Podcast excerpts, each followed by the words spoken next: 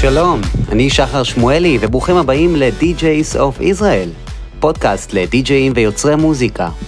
בכל פרק אני מארח יוצרים, אמנים ואנשי מפתח בתעשייה, שיספקו לכם סיפורים מעוררי השראה, כלים, ידע וניסיון, והכל בשביל שתוכלו ללמוד דברים חדשים מאנשים שבאמת שווה ללמוד מהם. אז בואו נתחיל. איזה כיף. מה קורה DJs of Israel? מקווה שאתם אה, בטוב. כמו שאתם רואים, אני פה במשרד החדש שלי, חדש-ישן אפשר לומר. אה, מי ששומע אותי, אם אתם יכולים להגיב ששומעים אותי טוב, ושאתם אה, בטוב ושהכול מעולה, אני אשמח ככה לאיזה תגובה. קודם כל, אני שמח שאתם פה איתי, התגעגעתי אליכם מאוד, DJ סוב ישראל. אנחנו היום נמצאים בפרק 26. פרק 26, ואני יכול להגיד שעד היום, כל שבוע, אה, שומעים מעולה, שומעים טוב, תודה רבה. אה, עד היום כל שבוע אני מקבל מכם אה, הודעות, שאתם אומרים לי, תקשיב, אני עובר עוד פעם על הפרקים, כל פעם זה מפיל לי אסימונים חדשים, זה פשוט מדהים וכיף לשמוע את זה, חברים, אז קודם כל, מי ששומע אותי עכשיו בפרק עם ניק ועדיין לא שמע את הפרקים הקודמים, יש שם הרבה הרבה ערך ואסימונים ששווה לכם להאזין אה, לפרקים הקודמים. אה, אני חושב שיש שם פרקים שבאמת יכולים לש, לשנות לבן אדם ממש את ה mindset. אה, זה דבר ראשון. דבר שני, הרבה דברים קרו מאז הפרק האחרון, הספקתי, ברוך השם, להתחתן עם אוליביה. אה, אם מי שרוצה לכתוב מזל טוב בתגובות, זה הזמן. אה, והיה ממש מדהים וממש אה, אני אסיר תודה לזה שאני מוקף באנשים מדהימים, והיה ממש אה, חגיגה רצינית. אה, תקופה טיפה לחוצה, הרבה מאוד פרויקטים, כמו שאתם רואים, הנחתנו פה אין ספור אמנים אה, בשנה הקרובה, עם, מאז הפרק האחרון גם עשינו את ההפקה הגדולה עם מדוזה, שהבאנו אותו לאנגר 11, פשוט תקופה מטורפת של עשייה. כשאנחנו מדברים גם על עשייה, היום העורך שלנו הוא, הוא הדוגמה לעשייה. שנייה לפני שאנחנו נקבל אותו, אני רק אגיד, תודה רבה לאייל מצליח שרשם לי בפרטי, גיליתי רק עכשיו את הפודקאסט שלך, עפתי על הרעיון עם בראל אדם וצוק, עכשיו אני מאזין לעוד פרקים, תודה ענקית על כל העבודה וההשקעה אה, והשיתוף של זה. אז אה, בכיף אייל, באהבה, תודה רבה שבכלל אה, לחצת פליי והאזנת לפרק שלנו. אז בואו, מה שנקרא, נציג את האורח שלנו, האורח שלנו היום הוא ניק קופר. כן, זה הבחור שאתם מכירים מיוטיוב. אה, הבן אדם הזה עשה אה, כברת דרך מטורפת במהלך עשר השנים האחרונות, הוא בנה את אחד מערוצי יוטיוב הכי מטורפים שיש למוזיקה אלקטרונית. לערוץ היוטיוב שלו יש רבע מיליארד השמעות, זה פשוט מטורף. הבן אדם כאילו היה חלק מקריירות מטורפות של אמנים שכולנו מכירים, הוא בנה את, ה, את הערוץ שלו לאורך השנים תחת השם שלו, הרבה אנשים גם בישראל לא יודעים שהוא ישראלי, אה, אני אגלה פה גם משהו קטן, אני רדפתי אחרי ניק בתקופה מאוד מאוד ארוכה שהוא יבוא אלינו לפרק, אז מי שנמצא פה היום ומי שהולך להאזין לפרק הזה, תדעו לכם שעבדתי עליו תקופה מאוד מאוד ארוכה כדי שזה יקרה. אמ, אז ניק אה, פה איתנו היום לחשוף באמת הרבה מאוד מהידע שלו, הרבה מאוד מהתובנות שלו, אה, ומי שנמצא פה, אני ממליץ מאוד גם להישאר עד הסוף, כי אה, הולך להיות שאלות ותשובות, וגם שבאמת תיקחו עכשיו איזשהו דף ועט, מי שנוח לו יותר לרשום בוורד או בגוגל דוק, תפתחו את זה, וככה יהיה לכם גם קל יותר לעכל את מה שאנחנו הולכים לדבר עליהם היום, עליו היום. אז בואו נקבל אותו, ניק קופר. וולקאם. מה המצב, ניק? מה הולך? מה הולך, אלוף? קודם כל, מזל טוב על החתונה, זה דבר ראשון. תודה רבה. תודה רבה, תודה רבה. מאחל לכולם להרגיש את הדבר הזה פעם אחת בחיים, פשוט חוויה מטורפת, ללכת ככה לחופה, להיות מוקף באנשים ואנרגיה מטורפת, היה באמת כיף, תודה רבה אחי. אה, מה איתך, תגיד לי, אה, מה שלומך? אתה עסוק בטירוף, כאילו, אני יודע גם שעכשיו לא, לא אמרתי את זה שהצגתי אותך, אבל יש לך עסק גם שאתה מתעסק בקידום ושיווק של עסקים, ראיתי אותך שם נותן בראש בטירוף, כאילו אני לא מפסיק לראות את השם שלך, וגם כאילו אני שומע מכל מיני חבר'ה בתעשייה שאתה גם מוצא איזה שהם טאלנטים אה, פה ישראלים, כל מיני חבר'ה, ואתה עוזר להם עם אה, פגישת ייעוץ פה ושם. ספר לי קצת, איך, מה אתה עושה בימים אלו? טוב, אז בגדול, כמו שהצגת, יש לי את העניין של הערוץ יוטיוב, שזה גם רקורד לייבל, זה חברה לליווי וייעוץ לאומנים בחו"ל. כמו שראית, גם עסוקים הרבה בלשווק הרבה אומנים חדשים, ישנים, עבדתי עם הרבה שמות גדולים לאורך השנים, יוניברסל, וורנר, סוני, ספינין, ריביל של ארדוול, וגם עם שמות, אתה יודע, של אומנים, דיאורו, סטיב איוקי, אלוק, הרבה חבר'ה מאוד גדולים, ובעצם כשהגיעה תקופת הקורונה, בתחילת הקורונה, אתה יודע, אתה מוצא את עצמך עם סוג של חלל ריק. אני, כל העבודה שלי כן הייתה מהבית, אבל עדיין התקופה הזאת של הקורונה, שתקעה אנשים בבית, למי שניצל את זה טוב מאוד, יכול להעיד על זה שהתקופה הזאת היא עשתה מאוד טוב, ולי באופן אישי, היא עזרה אה, לפתוח עוד, אה, בוא נגיד, אה, דרך הכנסה בעזרת הידע שצברתי מ-2010. אה, למי שלא יודע, כל עניין היוטיוב שלי, לא השתמשתי באנשי מקצוע, שיווקתי הכל לבד, הצבתי הכל לבד, לא השתמשתי באנשי מקצוע, אני בן אדם שהוא אה, אוטודידקט, אני פותח גוגל ואני לומד הכל. אם אפשר היה להוציא תואר או ללמוד אה, רפואה דרך הגוגל, הייתי עושה את זה בקלות. אז אה, בעצם פתחתי חברה למיתוג ולשיווק לעסקים פה בארץ. עסקים, אומנים, אומנים מבחינתי זה עסק, זה מה שאנחנו נדבר עליו פה בהמשך השיחה. אז עסקים, וגם לאחרונה התחלתי, כמו שאמרת, להציע פגישות ליווי וייעוץ לאומנים ישראלים שרוצים בעצם לדעת מה לא עובד להם בחו"ל, איך בעצם מצליחים בחו"ל, אני עושה להם סדר, אני מסביר להם הרבה דברים, מחדש להם הרבה דברים, אבל זה, זה בוא נגיד ברובו, ממה שאני, ממה שיצא לי לראות, הרבה בעיות אצלהם זה ב mindset, אנשים לא מבינים שאומן זה עסק, ומשם נובעות רוב הבעיות.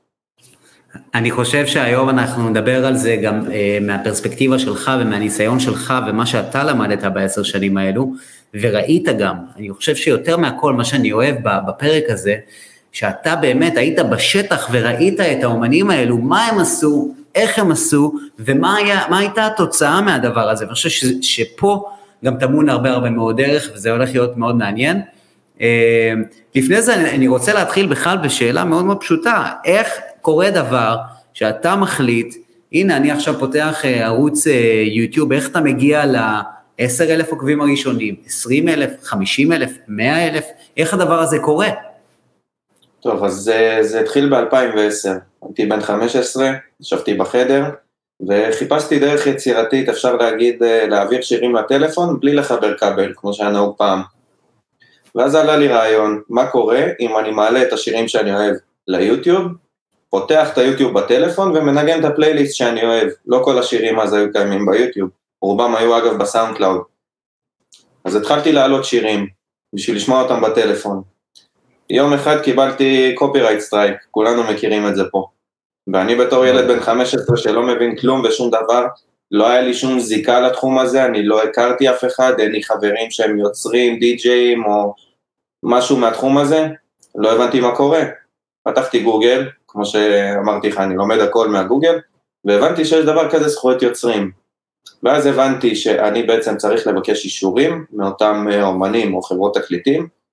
יותר נכון, באותו רגע בכלל לא ידעתי מה זה חברות תקליטים. ידעתי שאני צריך לבקש אישור מהאומנים בשביל בעצם שלא יורידו לי את הסרטון. התחלתי לאט לאט, פתחתי פייסבוק, התחלתי לפנות לאותם אומנים בפייסבוק, ואמרתי להם, מה נשמע, שלום, יש לי ערוץ יוטיוב, אני מאוד אוהב את השירים שלכם, אני רוצה להעלות אה, את השירים שלכם, לבנות לעצמי פלייליסטים. אז אותם אה, חבר'ה, אז הם היו אמנים מאוד מאוד קטנים, אמרו לי, בטח, בכיף. מה שצריך, אם יש לך copyright strike ודברים כאלה, דבר איתנו. התחלתי לעשות את זה עם אישורים, אה, ובמוקדם ובמאוחר, התחלתי סוג של לצבור קהילה שהטעם שלה במוזיקה זה זהה מאוד לטעם שלי במוזיקה. בסביבות 2012-2013 התחלתי לצבור יותר ויותר קהילה, ואז התחלתי להבין שיש פה, פה משהו יותר גדול בתעשייה, כי אז הכרתי באמת שמות מאוד קטנים, הדי-ג'אים הקטנים, לא הכרתי ארדוול ואנשים כאלה, לא הכרתי, הכרתי ממש נישות מאוד קטנות בתחום. ואז נפתחו לי העיניים, הבנתי שזה תחום עצום, שתעשיית המוזיקה, תעשייה שמגלגלת הרבה הרבה הרבה מאוד כסף, הרבה מאוד צפיות, אה, יש קהילה ממש ענקית בעולם אה, לכל תחומי המוזיקה. ואז הבנתי שיש לי פה, יש לי, יש לי משהו ביד, התחלתי משהו, הייתי בין החלוצים, בזמנו לא היו, לא היו יוטיוב, לא היה את Trap Nation, לא היה את Trap City, לא, לא היה את כל החבר'ה האלה, אני הייתי בין הראשונים, אה, והתחלתי להבין שיש לי פה סוג של אה, הזדמנות אה, לפתוח עסק, ולהסתכל על זה מכיוון יותר עסקי, בתור איזשהו, בוא נגיד, ה-MTV של יוטיוב. אז התחלתי, כמו שאמרתי, להשתמש באישורים, ואז יום אחד היה יוטיובר, היוטיובר הכי גדול ביוטיוב, בזמן, הוא גם היום נראה לי הכי גדול, קוראים לו פיודיפאי. בזמנו, ב-2012, אם אני לא טועה, היה לו שני מיליון עוקבים. ובזמנו זה היה וואו, כאילו, זה היה בין הגדולים ביוטיוב. והוא היה גיימר למי שלא מכיר, והוא פרסם סרטון, אה, תקשיבו, אני אשמח לתמוך בצופים שלי, תשלחו, היה לו בלוג, תשלחו כישורים אה, לערוץ שלכם, תספרו מה אתם עושים בערוץ, והערוצים שאני הכי אוהב, אני אעלה סרטון עליהם. אז ישבתי וראיתי שכל עניין הגיימינג סובב מאוד uh, סביב גם uh, עולם המוזיקה, תמיד יש להם איזה שיר ברקע, שיר באינטרו, הם מאוד מאוד uh, אוהבים, אתה יודע, לשחק עם שירים, זה, זה, זה שני עולמות שהם מאוד, מאוד חופפים. שלחתי, אמרתי, הוא חייב איזה ערוץ מוזיקה, גם עברתי על כל התגובות, כולם היו גיימרים, תתמוך בי, תתמוך בי. אמרתי, אני הערוץ מוזיקה הראשון שמבקש עזרה ממנו, שלחתי את הערוץ שלי. אחרי שבוע, מוצא שבת, אני יושב עם חברים, נכנס ליוטיוב שלי, היה לי, אני מאמין, אזור ה-10 אלף עוקבים בזמנו, והתחלתי, עשיתי במקרה רפרש על הערוץ שלי. עשיתי רפרש ואני רואה 14K אני חושב. אני מסתכל, אני רואה 14K ואני לא מבין מה קורה, חשבתי זה איזה באג, אני עושה שוב פעם רפרש, 17K, רפרש, 20K, רפרש, 25K, ממש בהפרשים של שניות. ואני לא מבין מה קורה, ובדיוק מישהו בפייסבוק שלח לי הודעה, כנראה הוא ממש אהב את פיודיפיי, ואמר, תשמע, פיודיפיי העלה אותך לערוץ שלו, זה מטורף. אמרתי לו, מה, מה זאת אומרת? נכנסתי, והבנתי שהוא באמת אה, העלה את הערוץ שלי, אמר, זה ערוץ מוזיקה, אה, כנסו, אתם תאהבו את השירים שלו, ומפה לשם קפצתי לאזור, אני חושב, 70, 80, 90 K עוקבים, אחרי בערך אה, שבוע. אה, ושם בעצם נפתח לי התיאבון העסקי. הבנתי שיש לי פה חתיכת קהילה שעוקבת אחריי ואני חייב לעשות עם זה משהו. התחלתי לפנות לאומנים יותר גדולים, כי פה כבר היה לי משהו ביד שאני יכול, אה, אתה יודע, יש לי כוח ביד, זה לא סתם איזה ערוץ עם 10 כעוקבים, זה מישהו עם קהילה מאוד פעילה, גם כל העוקבים שלו מאוד מאוד פעילים, אתה רואה כמות מטורפת של לייקים על סרטונים, כל סרטון חדש שעולה, הצפיות עולות בצורה אסטרונומית, אז אה, פניתי לכמה חברות, אה, הראשון, חברות, אומנים, הראש, בין הראשונים מביניהם היו סיק אה, אינדיבידואלס למי שמכיר, החבר'ה שמחתימים אצל ריביל, הלייבל של ארדואל. במקרה הם הופיעו בתל אביב, הבאנו אותם לא מזמן נכון, להפקה נכון, בתל אביב, נכון. והיה מדהים. חנוכה, נכון, חנוכה. אחלה חבר'ה הולנדים, פניתי אליהם, ובעצם גם כן התחלתי להעלות את השירים שלהם, ובזמנו, למי שזוכר, היה להם הרבה מאוד, אה, מסה מאוד גדולה של רמיקסים רשמיים לשמות מטורפים, לפיטבול, לריאנה, לג'סטין ביבר, היה להם מלא סינגלים גם ב Spinnin', הם היו מקושרים להרבה מאוד שמות גדולים. וכל פעם שביקשתי אישור, המנהל שלהם אמר, אין בעיה, אני דואג לך לאישור. עד שיום אחד אמרתי, למה אני צריך להיות תלוי במנהל שלהם? אני רוצה לדבר עם הלייבלים האלה, אני רוצה להיות בקשר עם האנשים האלה. אז אמרתי לו, תקשיב, למה שאני לא אחסוך לך את הזמן בלבקש אישורים? בוא, תקשר אותי אליהם, תסביר להם מי אני ומה אני. אני אטפל בכל האישורים, נעשה לך חיים קלים. הוא כמובן זרם עם זה, הוא קישר אותי לוורנר, ובוורנר הוא קישר אותי לסאב לייבל שקוראים לו אטלנטיק, נועה קירל בדיוק חתמה שם 10 אה, מיליון דולר נראה לי הסכם. נועה קירל חתמה שם. אני עבדתי איתם ב-2012, והוא קישר אותי גם ל Spinnin', שעם Spinnin' אני עובד עד היום, דרכם הכרתי את Musical Freedom, את Blasterjaxx, הרבה מאוד אה, חבר'ה מאוד גדולים. ובעצם שם הבנתי שקודם כל אה, ללייבלים יש עוצמה מאוד מאוד גדולה בתעשייה. יותר לי, בתור מישהו שמשווק מוזיקה, יותר השתלם לפנות ללייבל שמכיר הרבה שמות ומשחרר הרבה מוזיקה תחתיו מאשר יוצרים. אז התחלתי לעבוד יותר עם לייבלים. והבנתי גם את העניין הזה שהוא מכיר את ההוא והוא מכיר את ההוא, וכל פעם ביקשתי שהוא יקשר אותי אליו והוא יקשר אותי אליו, וכל פעם התירוץ היה כדי לקבל אישורים ליוטיוב, כדי לתמוך ביוטיוב, זאת אומרת זה היה סוג של אה, תמורה תחת תמורה. ניק, באיזה שלב, סליחה שאני קוטע אותך, באיזה שלב זה קרה שאתה מוצא את עצמך פתאום בערוץ תקשורת ישיר עם חברת אה, תקליטים כמו Atlantic או Spinnin' Records? באיזה, באיזה, אחרי כמה זמן או באיזה שנה זה היה? זה היה פחות או יותר ב-2013 אני חושב, אפילו 2014, 3-4 שנים אחרי שפתחתי את הערוץ, ופחות או יותר אה, בתקופת זמן זה היה שנה, שנה וחצי אחרי שהתחלתי לעסוק בזה באופן מקצועי, כאילו כשהתחלתי לא. לראות את זה כעסק. לא היה לך איזשהו פחד אה, בזה שאתה אמרת לו, תן לי, אני אדבר איתם ישירות, אה, אתה כאילו לא חשבת שזה כאילו סוג של אה, מעל אה, המוסכמות לבוא ועכשיו לדבר ישירות עם הלייבל?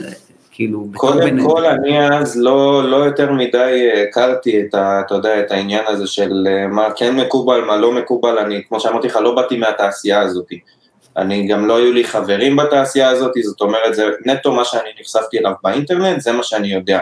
אבל גם אה, יש לי mindset כזה, שהוא גם עד היום מאוד מלווה אותי, זה שאם אני עכשיו בסיטואציה שאני לא מכיר את האנשים האלה, אז כרגע אני לא מכיר אותם, אבל אם אני פונה אליו ואני מבקש שהוא יכיר לי אותם, יש שתי אופציות, או שהוא יסרב ואני אהיה באותה סיטואציה כמו עכשיו, לא הפסדתי, לא הרווחתי, או שיש את האופציה שהוא כן יכיר לי אותם, ואז אני מרוויח, זאת אומרת, לא משנה איך אתה הופך את זה, אתה יכול רק להרוויח, או להישאר באותה סיטואציה כמו, כמו עכשיו, וזה נוגע, זה כלל שהוא נוגע להרבה, להרבה תחומים בחיים. אני ממש אה, מתחבר לזה, ואני חושב שזו גם אה, דרך מאוד מאוד יפה להסתכל על אה, בכלל, על כל הנושא הזה של ליצור קשרים וליצור שותפויות. זה מדהים בעיניי, ואני חושב שגם יש לנו הרבה הרבה על מה לדבר היום. אני רוצה, לפני שאנחנו מתחילים לדבר על הכל, אני רוצה רק להגיד לכם על מה אנחנו הולכים לדבר היום. אנחנו נפתח בזה שנדבר על, על כל הנושא של שיווק, והמשמעות של שיווק, ומה זה שיווק בעיניו של בן אדם שמתעסק, מה שנקרא, בקרביים של המוזיקה האלקטרונית בעולם. אגב, אנחנו נדבר על כל הנושא של branding. אה, מה, מה זה branding בכלל, ולמה זה חשוב בכלל שאתם תיצרו brand. אה, כמו שניק אמר מקודם, יש דבר כזה שנקרא mindset, ו mindset הוא חלק בלתי נפרד מההצלחה. אם זה כל הנושא של הסתכלות על, ה, על הפרויקט שלכם בצד הכלכלי שלו, זה גם מתחבר מאוד לדבר שאנחנו נרצה לדבר עליו, ואני חושב שהולך לתת פה ערך מטורף לאנשים, כל נושא של הכנסה מהפרויקט המוזיקלי שלכם, הכנסה מהיותכם מוזיקאים, אנחנו נדבר על כל מיני נושאים כמו אפיקי הכנסה למוזיקאים, אני חושב שזה יכול לתת פה הרבה הרבה ערך לאנשים שמקשיבים לנו, וגם כל הנושא של יצירת קשרים בתעשייה, אני חושב שכבר תוך כדי שאנחנו התחלנו, כבר גלשנו לכל הנושא של יצירת קשרים בתעשייה. בואו בוא נפתח ו, ו, ונדבר על נושא השיווק. אתה בן אדם שעובדתית יודע לשווק אה, מוזיקה, יש לך אה, קרוב לרבע אה, מיליארד השמעות לכל המוזיקה שהוצאת דרך הערוץ שלך, הגעת לכמעט מיליון אה, עוקבים ביוטיוב וזה מטורף, זה הישג מטורף. לאורך הזמן, אני מניח שאתה למדת יותר מדבר או שניים. אני רוצה שנדבר על הדברים העיקריים, לא עכשיו מסביב, יותר הדברים העיקריים שאתה חושב שאתה רואה שמה שנקרא חסר אצל החבר'ה הצעירים, החבר'ה שרק התחילו נמצאים כבר, אתה יודע, בשלב שיש להם מוזיקה שהיא יחסית מכבדת את עצמה, הם נמצאים במקום שמרגישים במקום נוח לצאת עם המוזיקה שלהם לעולם. אה, מה, מה אתה רואה שחסר שם? מה אתה רואה שהם מפספסים? אני אגיד לך מה זה, קודם כל זה מתחיל מהרבה אנשים, בעיקר בארץ שמתי לב לזה, וזה לאו דווקא בתחום המוזיקה, זה גם בהרבה עסקים. הרבה אנשים לא מבינים את העיקרון הזה שאם אתה לא תוציא, לא תוציא כסף, אתה לא תרוויח כסף. לא משנה איך אתה הופך את זה, לא משנה כמה תנסה לחסוך, זה לא יעבוד לך. בשביל להצליח צריך להוציא כסף, כמו בכל עסק. בגלל זה אני גם תמיד אומר שלהיות אומן זה עסק לכל דבר. האסטרטגיה של השיווק ושל המיתוג וכל הדברים האלה, זה בסופו של דבר אותו תשתית. פשוט בעולם המוזיקה זה, זה אתה יודע, בכל תחום זה, זה הולך לכיוון שלו, אבל התשתית היא אותו דבר, והתשתית בנויה על זה שאם לא תשקיעו כסף וזמן בעסק שלכם, שהעסק שלכם הוא אתם כרגע, זה לא, זה לא יגדל, זה לא, זה לא יצליח.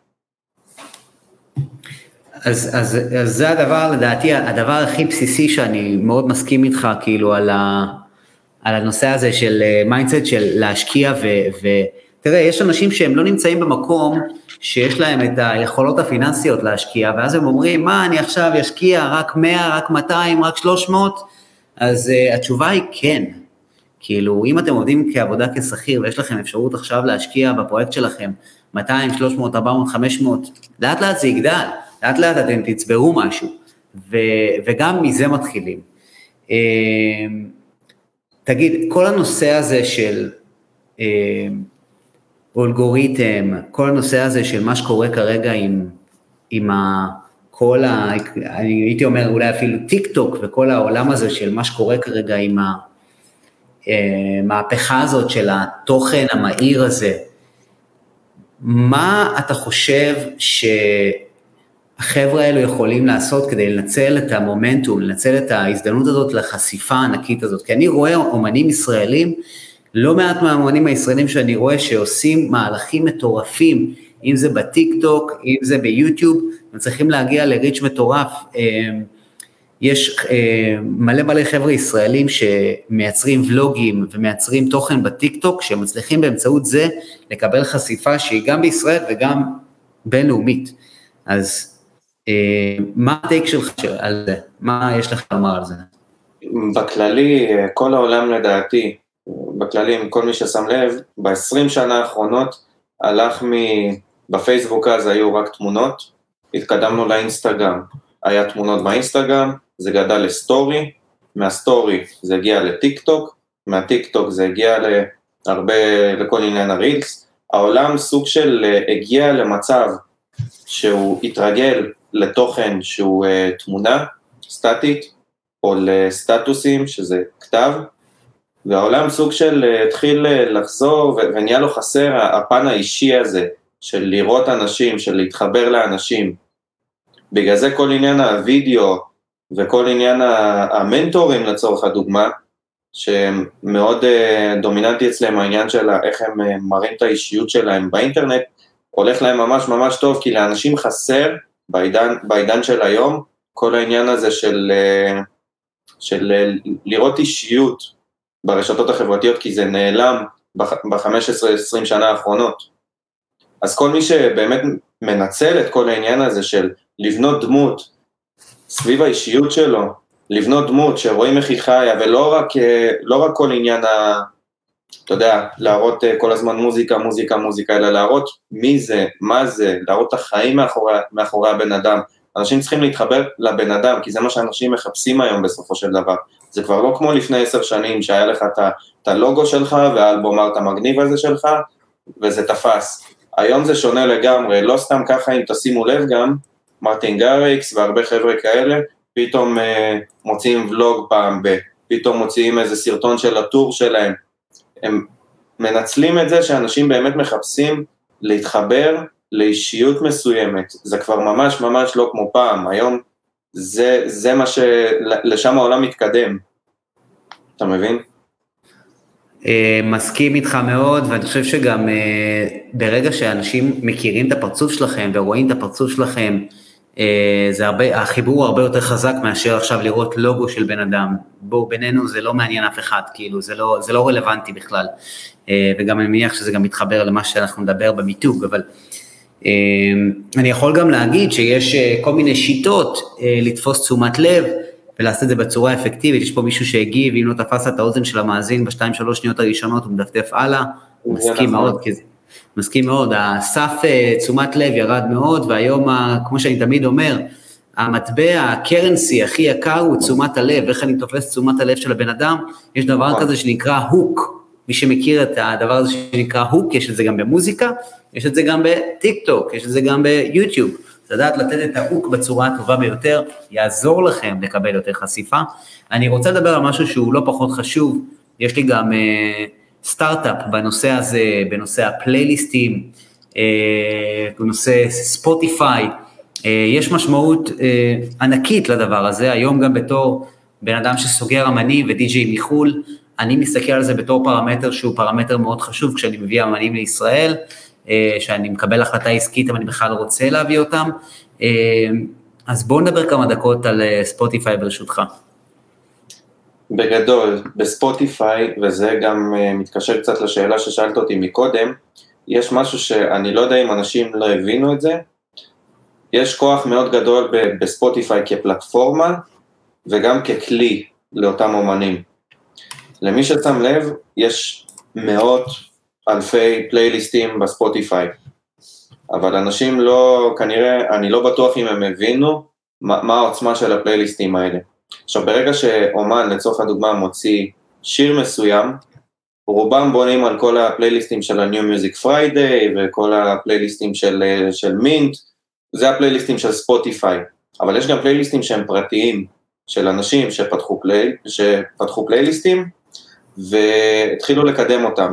הגיעו ל-100K עוקבים, וחתיכת חשיפה בסופו של דבר, זה חתיכת כלי. אני חושב שאותם אומנים, שזה גם אגב מה שאני עשיתי עם הלייבל שלי, צריכים לפתוח פלייליסט, לקדם אותו באופן ממומן, כדי שבסופו של דבר יהיה להם איזשהו כלי, יהיה להם ביד פלייליסטים 20, 30, 40 אלף עוקבים, ואז הם יוכלו לפנות לפלייליסטים באותה רמה, עם 30, 40, 50 אלף עוקבים, ולהציע להם דבר פשוט, שזה משהו מאוד מקובל והוא ידוע, במיוחד בקרב לייבלים. אה, אני אתן דוגמה על עצמי, יש לי פלייליסט עם 30 אלף עוקבים אני חושב, של ביג אה, רום, של סטייל טומורולנד, אני לוקח את הפלייליסט הזה, פונה ל Revealed, פונה לפרוטוקול, פונה ל Spinnin', ואומר להם, חבר'ה, יצא אצלי בלייבל track, שימו אותו בפלייליסט שלכם, ותביאו לי track שלכם, ותוציאו אותו ואני אשים אותו בפלייליסט שלי. Trade. Trade קוראים לזה, בדיוק. בעצם מה שאתה אומר זה, יש לך עכשיו, אה, אני יכול להקביל את זה סתם לכל דבר כמו, נגיד, יש לי בלוג באתר, ואתה יש לך בלוג, יש לך אתר גם חזק מאוד ויש לך בלוג, אני ארשום כתבה על האומן של, של הלייבל שלך, אתה תרשום uh, כתבה על האומן מהלייבל שלי, ואנחנו נעשה ככה איזשהו, uh, מה שנקרא, אה, חליפין או, או נעביר ערך אחד מהשני בצורה ששנינו נהיה מאוד מרוצים מהדבר הזה, ואני חושב שזה כלל שאפשר לקחת אותו לכל דבר בחיים, לא רק לפלייליסטים, אבל בפלייליסטים הדבר הזה הוא כבר מקובל, הוא כבר קיים, זה איזושהי נורמה, ואני חושב שגם לבנות פלייליסט ולטפח פלייליסט אה, ולקדם אותו, זה skill שאתם צריכים שיהיה לכם. אה, אני חושב שהיום יש שם אוזניים ויש שם attention, במיוחד בספוטיפיי, אה, וכדאי לכם שיהיה לכם פלייליסט עם הרבה עוקבים, כי זה ייתן לכם אה, הזדמנויות גם להכיר אומנים חדשים לשיתופי פעולה. אה, אני מאוד מאוד מסכים עם מה שאמרת פה על הנושא הזה ולעשות trading. אני רק אגיד משהו אחד אחרון על נושא הפלייליסטים, לפני שאנחנו ממשיכים. מי שלא מכיר, playlistmap.com, playlistmap.com, זה מיזם שאני התחלתי בקורונה, אה, שבעצם הוא קטלוג עם יותר מ-20 אלף פלייליסטים ודרך ליצור קשר עם האנשים שיצרו את הפלייליסטים האלו, אתם יכולים לדבר איתם, אם יש לכם פלייליסט, אתם יכולים לעשות איתם trade, זה משהו שיכול לעזור לכם מאוד. אה, אני חושב שאני ואתה התכוננו לזה, אתה דיברת על דברים נוספים שהם לא obvious, הרבה אומנים לא בכלל חושבים עליהם, משהו כמו mailing אה, list. נכון, זה גם משהו שאת האמת, אני מכיר אותו מ-2013, 2014. אה, רוב האנשים שבאו אליי לפגישת אה, ייעוץ, הם לא באמת מבינים מה הכוח של זה. יש את העניין של המיילינג ליסט, שזה בעצם אה, יוצא לכם טרק, עוד חודש, עוד חצי חודש, ואתם בעצם בונים רשימת מיילים של כל מיני די-ג'ים שאתם מכירים, ושולחים להם את זה בשביל שהם יתמכו בזה. כל מי שהגיע אליי לפגישת ייעוץ, ואמר לי שיש לו mailing list, שאלתי אותו מי נמצא ב mailing list, אז אמרו כל החבר'ה שלי, כל הדי-ג'אים. אז אמרתי להם, ולמה טיאסטו לא נמצא שם? למה דויד גואטה לא נמצא שם? למה, לצורך הדוגמה בזמנו, Hardwell On Air לא נמצא שם? למה, למה אתם סוגרים את ה mailing list הזה לאנשים שמכירים אתכם וגם ככה ישמעו את השירים שלכם, החברים או אנשים קרובים אחרים? לדעתי הם צריכים להחריב את כל עניין המיילינג ליסט לרשימה הרבה יותר גדולה, עם די-ג'אים גדולים, עם רדיו שואוס גדולים, ואתה יודע, זה, זה כמו לזרוק חכה. בסופו של דבר אתה שולח 1, 2, 10, 20, 30 מיילים, בסופו של דבר מספיק שטיאסטו יתפוס את זה וינגן את זה ב radio show שלו, זה היה שווה את כל המאמץ הזה, זה בסופ, בסופו של דבר זה גם בחינם, זה לא מצריך יותר, זה לא מצריך כסף, זה מצריך רק זמן. אם אנשים לא מוכנים להשקיע את הזמן הזה ולהרחיב את ה mailing ולשלוח את זה למקומות שצריך לשלוח את זה, הם לא צריכים להתפלא למה, למה הם תקועים. אני חושב שאני שמעתי לא מעט אה, סיפורי הצלחה בגלל הנושא הזה של mailing list, כי אה, בסופו של דבר, אם ישימו אתכם באיזשהו רדיו, אה, איזשהו אומן, ישים, ישים אתכם בתוכנית שלו בפודקאסט שלו, זה משהו שאתם יכולים להשתמש בו, תדמיינו, בביו שלכם, בספוטיפיי, אתם יכולים להשתמש בו אחר כך כשאתם מדברים עם פרומוטרים, אה, וגם כשאתם פונים ללייבלים, זה ניגן את המוזיקה שלי, זה ניגן את המוזיקה שלי. נכון, ואנשים, אה, מה שנקרא... מזה, אני אקטע אותך, אה, יותר מזה, אני את רוב המוזיקה שלי מקבל ב mailing list. Spinnin' שולחים לי mailing list, Revealed שולחים לי mailing list של טרקים שיוצאים חודש מראש. אם לא היה להם את כל עניין ה mailing list או שהאימייל שלי היה מתפספס, אני לא הייתי מקבל את המוזיקה הזאת והיא לא הייתה עולה לערוץ שלי. אנשים צריכים להבין את העוצמה של הדבר הזה, ואני מבין את ה mindset הזה של מה הסיכוי שטיאסטו יפתח את האימייל שלי וישמע את השיר שלי, אבל זה כן שווה את הסיכוי שהוא כן יעשה את זה בסופו של יום. איך אה, מגיעים למיילים של האומנים האלו? את האמת, רובם לצורך הדוגמה radio shows, כמו Hardwell On Air שהיה בזמנו, כמו ה radio show שיש לטיאסטו, בדרך כלל האימייל מופיע ב description של אותו סרטון, או איפה, שה... או איפה שיש את ה radio show הזה, תמיד יש איפשהו למטה, אה, או אימייל, או איזשהו אתר כמו SubmitHub לצורך הדוגמה, ששם הם מקבלים סאבמישנס אה, לאותו רדיו שואו, תמיד הם נותנים את האופציה אה, איך, איך אפשר ליצור איתם קשר. מדהים. תמיד יש את זה. אם, ואם אתם שולחים מיילים ואתם רוצים להשתמש בכלי שיכול לעזור לכם להבין אם בכלל פתחו את המייל ולנהל את הנושא הזה, יש תוסף לקרום שאני ממליץ עליו שנקרא mailtrack.io, זה עוזר לכם לדעת אם פתחו את המיילים, זה אחד מחברי הקהילה לימד אותי על, על התוסף המגניב הזה. דיברנו על, על mailing list, דיברנו על ספוטיפיי. מה קורה עם כל מיני ערוצים? הרי שאני עכשיו בתור מוזיקאי רוצה להפיץ את המוזיקה שלי, אני רוצה שהמוזיקה או הקליפ שלי יעלה בכמה שיותר ערוצים.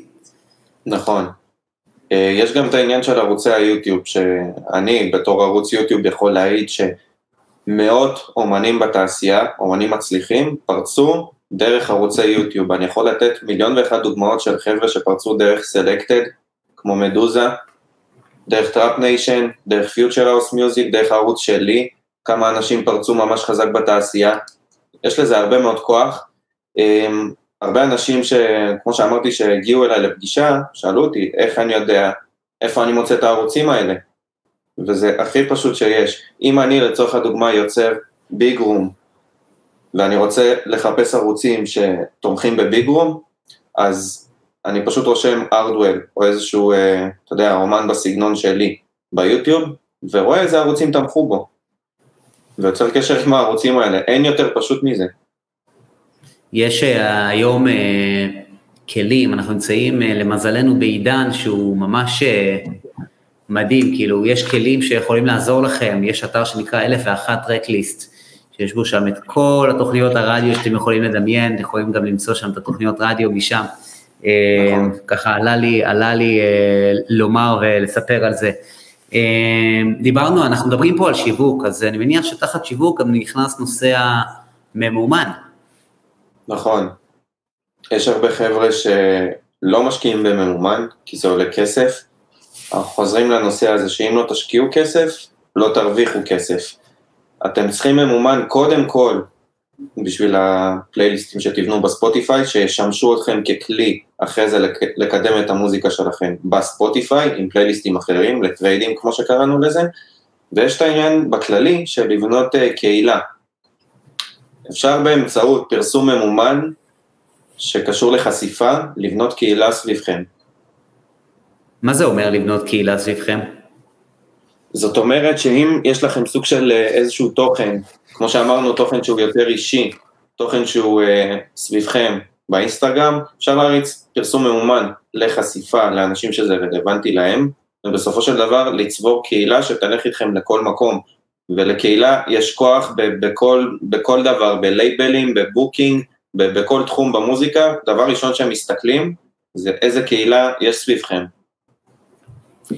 אה, יכול להעיד בתור בן אדם שיש לו קהילה שנקראת Ravers of Israel, אחת הקהילות המטורפות, זה כאילו, אה, איך קוראים להם, אה, שהיו פה לוקאס וסטיב לפני שבועיים, אמרו לי, תקשיב, everyone in Amsterdam know who is Ravers of Israel, know who is Shachar, because of this Ravers of Israel, everyone is talking about your crowd, uh, כולם מדברים על הקהל שלך, וזה ממש ממש נכון, וזה משהו שנבנה, חייב לומר, לתקופ, בתקופה מאוד מאוד ארוכה. אני, לקהילה הזאת, לקח לבנות אותה אה, שמונה, תשע שנים, אה, אבל זה פשוט מדהים.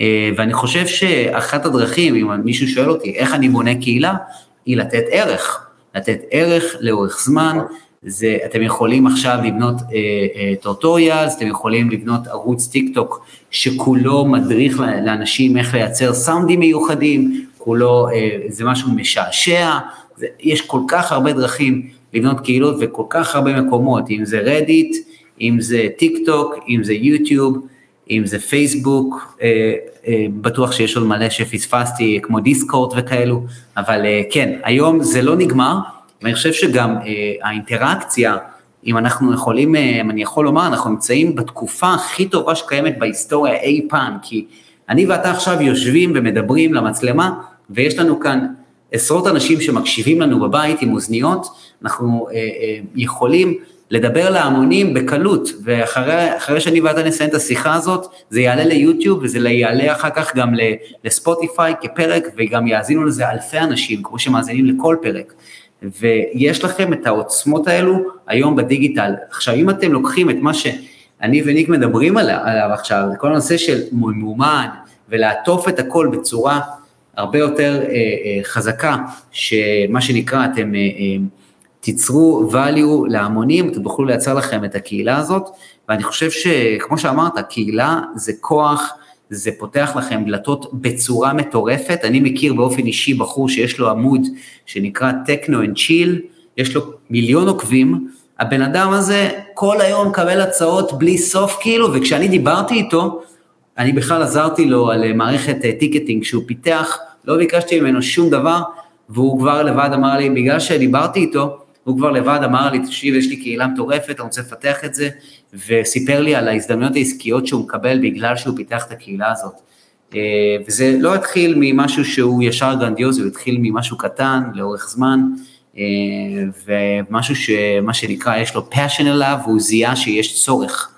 אה, אם יש עכשיו מיליון עמודים של EDM שעושים הדרכה איך לעשות מוזיקה, אל תעשו עוד אחד, תעשו משהו חדש, תעשו משהו שיתפוס לאנשים את האוזן, תעשו משהו שבאמת אנשים יגידו וואלה, יש פה האקים, יש פה ערך חדש, יש פה משהו מעניין. אז בקטע הזה, אני חושב שפה אנחנו אה, נחתום את הנושא של שיווק, ומן הסתם שתוך כדי הפודקאסט אנחנו ניגע בעוד נקודות אה, נושא השיווק, אבל מפה אני רוצה מה שנקרא להמשיך ולדבר על דבר שנקרא branding. אה, היום אנחנו מודעים לזה שככל שה... אה, שלכם, ככל שאתם אה, בונים מותג גדול יותר, ככה אתם תוכלו לבקש יותר, אתם תוכלו לפתוח לעצמכם יותר הזדמנויות עסקיות, נכון? ככה אתם תוכלו, מה שנקרא, לייצר לעצמכם יותר ביקושים, ככל שאתם יוצרים brand גדול יותר. אבל בואו נרד לדברים הכי basic. ש, שאני ואתה דיברנו עליהם, שלא קורה אצל אף אחד, כל, בכל הנושא של מיתוג. אז בוא, בוא נתחיל לדבר על זה, ניק. הרבה חבר'ה, כמו שאמרתי, שמתי לב שהם עדיין תקועים בתקופת 2010-2012, שיש לך איזה לוגו בתמונת פרופיל, והעמוד אינסטגרם שלך, או עמוד פייסבוק, או whatever, נראה כמו, אה, כמו קטלוג של ספוטיפיי. אתה רואה album art, album art, album art, out in 3 days, out in a week, נראה כמו קטלוג של ספוטיפיי. למה שבן אדם יעקוב אחרי זה? רוב האנשים אגב לא עוקבים אחרי אה, די-ג'אים מסוימים בגלל המוזיקה שלהם. אני על עצמי יכול להעיד שאני עקבתי אחרי ג'וליאן ג'ורדן, לא כי אני מת על המוזיקה שלו, לא כי אני מת על הסאונדים שלו, או מעניין אותי ללמוד משהו שקשור ליצירה או whatever.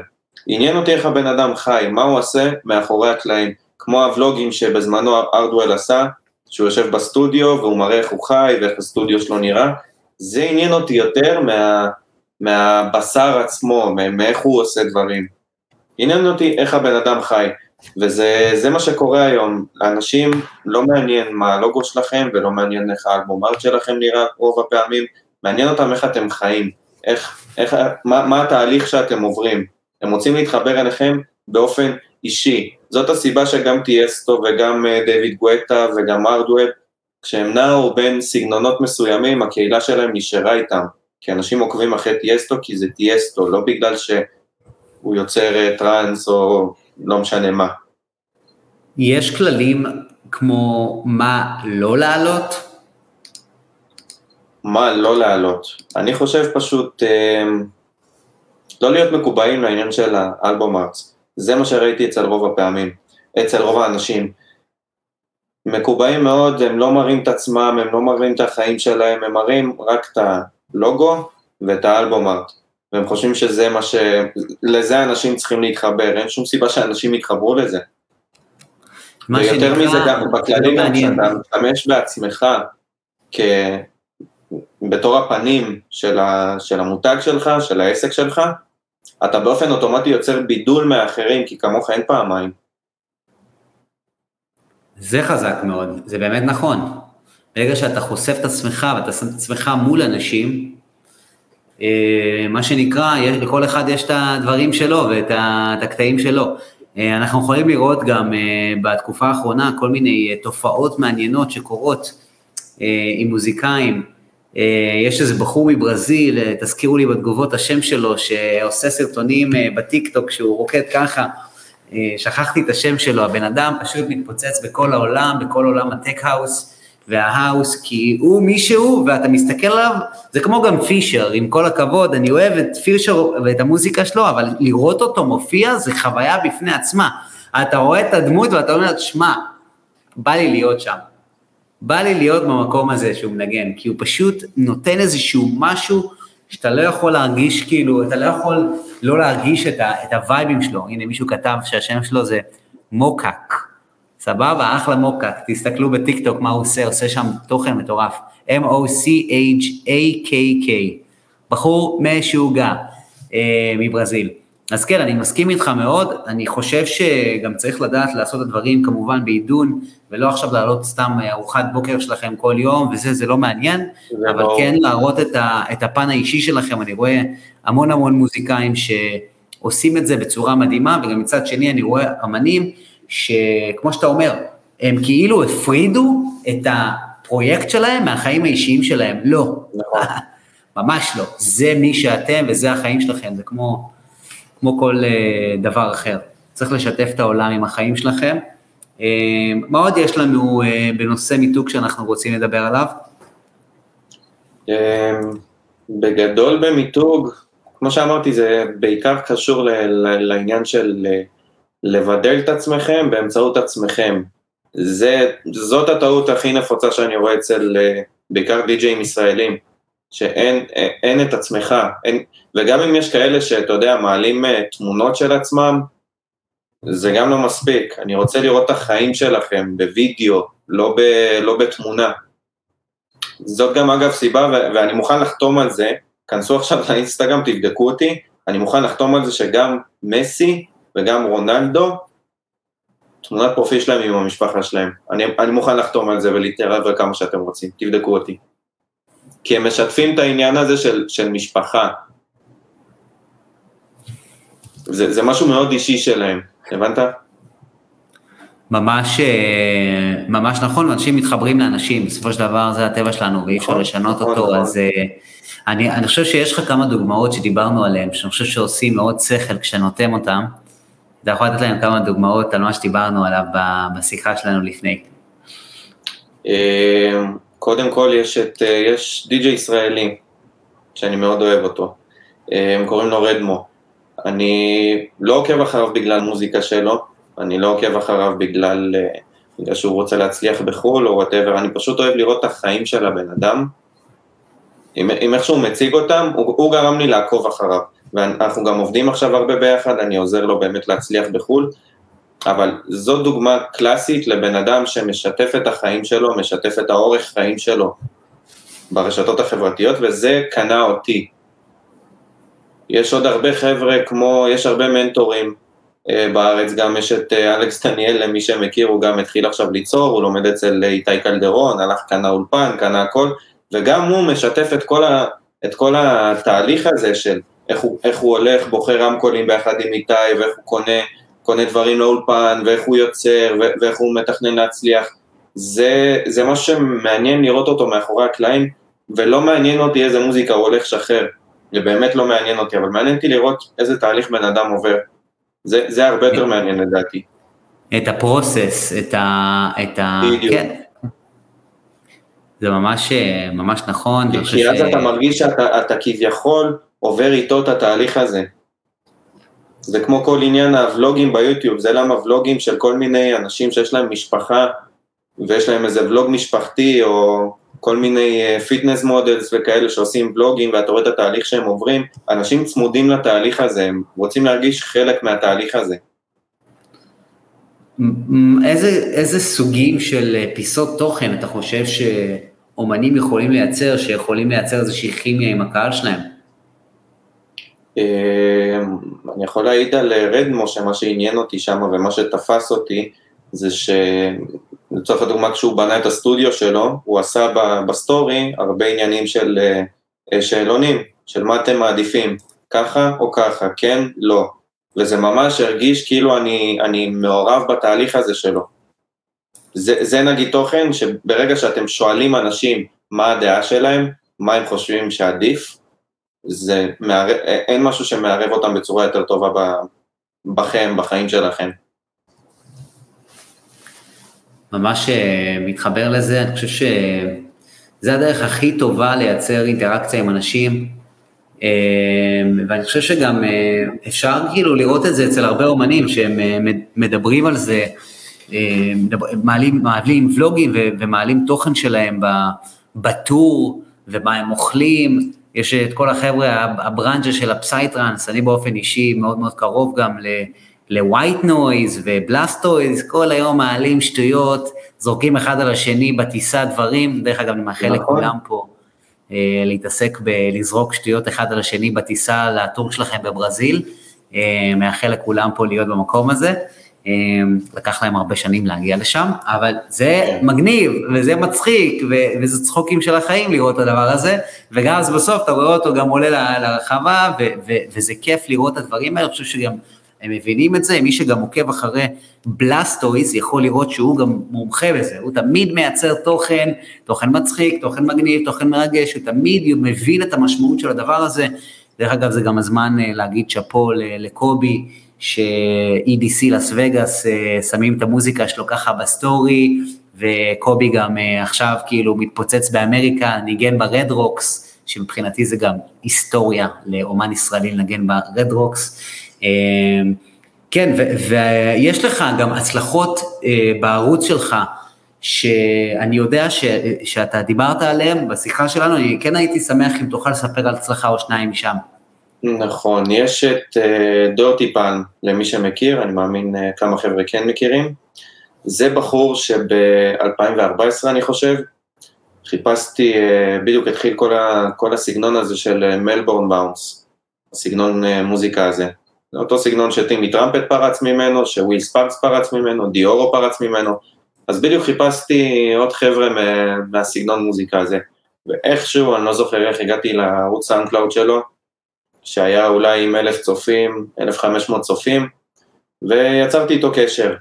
התחלנו לעבוד הרבה ביחד, התחלתי להעלות כל שיר שיוצא אצלו, וכל שיר שיצא, גם יצא דרך הלייבל שלי, שבסופו של דבר הגיע לחצי מיליון השמעות בספוטיפיי, 800 אלף השמעות בספוטיפיי, גם ביוטיוב יש מיליוני צפיות לבחור הזה. אמ, ובתקופה מסוימת, אמ, הוא התחיל להוציא הרבה בוטלגים. והוא שלח לי יום אחד בוטלג, בזמנו יצא שיר שקוראים לו Men's Not Hot, אם אתה זוכר. איך אפשר לשכוח? כן, היה ממש אה, פיק עם השיר הזה, והוא ש... אמר לי בוא נעשה בוטלג לשיר הזה. אז אמרתי לו אין בעיה, אני יכול לאשר אותו, אם, אם אני זוכר נכון הוא יצא דרך וורנר. אמ, ואז הוא שלח לי את הבוטלג, שלחתי אותו לוורנר, אמרתי להם חבר'ה תקשיבו זה בוטלג שיצא עכשיו לשיר הזה, אני רוצה לקדם אותו. והתשובה שקיבלתי בחזרה זה ש, אה, יפה, אנחנו בדיוק בונים רמיקס אה, איפי, אנחנו רוצים להחתים את זה. ואז הם החתימו את הרמיקס של הבחור הזה, רמיקס רשמי בוורנר, וואו. ומשם הבחור הזה התחיל לחתום מלא רמיקסים רשמיים, ופתאום uh, no copyright sound שהם ממש עלו בשנים האחרונות גם התחילו לחתום באופן קבוע איתו, והבחור פרץ, אפשר להגיד. מה שנקרא אה, רץ קדימה, זה, זה מטורף כאילו איך דברים מובילים לדברים, אה, ואני מניח שגם ההאסל, כל העסק, כל המיוזיק ביזנס, כולו כולו מבוסס, אתמול נפגשתי עם אה, חבר שלי שהוא עובד באינסומניאק, הוא צלם שם בארצות הברית, קוראים לו עדי, הוא אומר כל תעשיית המוזיקה בנויה משתי דברים, מאנשים ומתורת ההאסל, לרוץ קדימה, לעשות דברים, לקדם, הנה הזדמנות לעשות רמיקס, לשלוח רמיקס, דיברתי היום גם עם ארצ'י, אמר לי כן אני עושה עכשיו רמיקס רשמי, אני רץ, זה מעלה, זה שיתופי פעולה. וחבר'ה, ההאסל הזה של, של להוציא את הרמיקס השורחם, לשלוח, להיות תמיד בקש על, על העניינים ולרוץ קדימה, זה מה שגורם גם להזדמנויות האלו, ואני חושב שגם שניק, אתה מסכים איתי שזה לא היה קורה אתה יודע, אם, אם הוא לא היה פונה אליך ומתקשר איתך ו, ורץ איתך לדברים. נכון, נכון, נכון. היה לי עוד סיפור אה, לגבי דיורו, אתה בטח מכיר אותו. בחור מאוד מאוד מאוד מוכר בתעשייה, דיורו. אה, המנהלים שלו דאגו לשלוח לי כל הזמן את השירים שיוצאים עד היום, ויום אחד הם שלחו לי שיר שקוראים לו 5 אה, hours. כנראה הרבה פה מכירים את השיר הזה.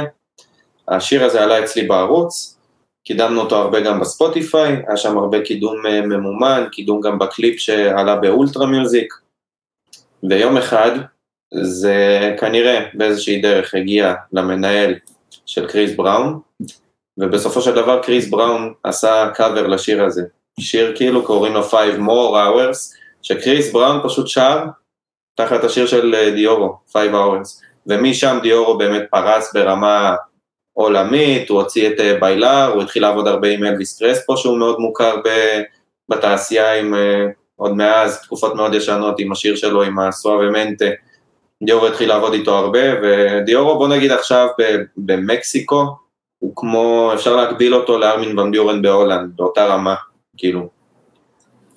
אתה אומר, אתה אומר בקטנה. בקטנה, כן, בקטנה. תשמע, זה, זה באמת מטורף איך דבר, דבר מוביל אה, לדבר, אה, וזה מה שקורה כשאתה על העניינים, ושאתה רץ, אני חושב שגם המקסום של ההזדמנויות הוא משהו שהוא מאוד מאוד חשוב. אה, נכון. לזהות הזדמנויות. היה לנו גם שיחה על זה היום, על כל הנושא של הזדמנויות, ועל איך דלת נפתחת, ואם היא נפתחת, ואם היא לא נפתחת, מה עושים? מניח שאנחנו גם נדבר על הדבר הזה עכשיו, בהקשר לזה. נדבר על mindset. אה, ברשותך נמשיך לדבר על הדבר הזה שנקרא, מה שנקרא mindset. אה, אה, אני חושב שזה גם נכון לא רק למוזיקאים, למוזיקאים זה נכון פי עשר יותר, כי אתם מתעסקים בתחום שהוא מאוד מאוד קשה. במקום שאתה עוסק בתעשיית המוזיקה, הוא תחום שהוא הוא, הוא יותר קשה מהרגיל, כי אתם צריכים להוכיח גם לעצמכם, גם לעולם, וגם יש תחרות מטורפת. אמ, אז כל הנושא הזה של mindset, בתור אומן, אני חושב שהיה כמה כללי אצבע שאתה העלית איתי בשיחה שאני חייב שהם ישמעו פה. אה, אז בואו נתחיל עם הדבר הראשון שקשור להשקיע. נכון. זה משהו שקשה מאוד לישראלים, ישראלים בכללי, ברובם, באופי שלהם, אוהבים לקבל, לא אוהבים לשלם, אוהבים לקנות בזול, אוהבים למכור ביוקר.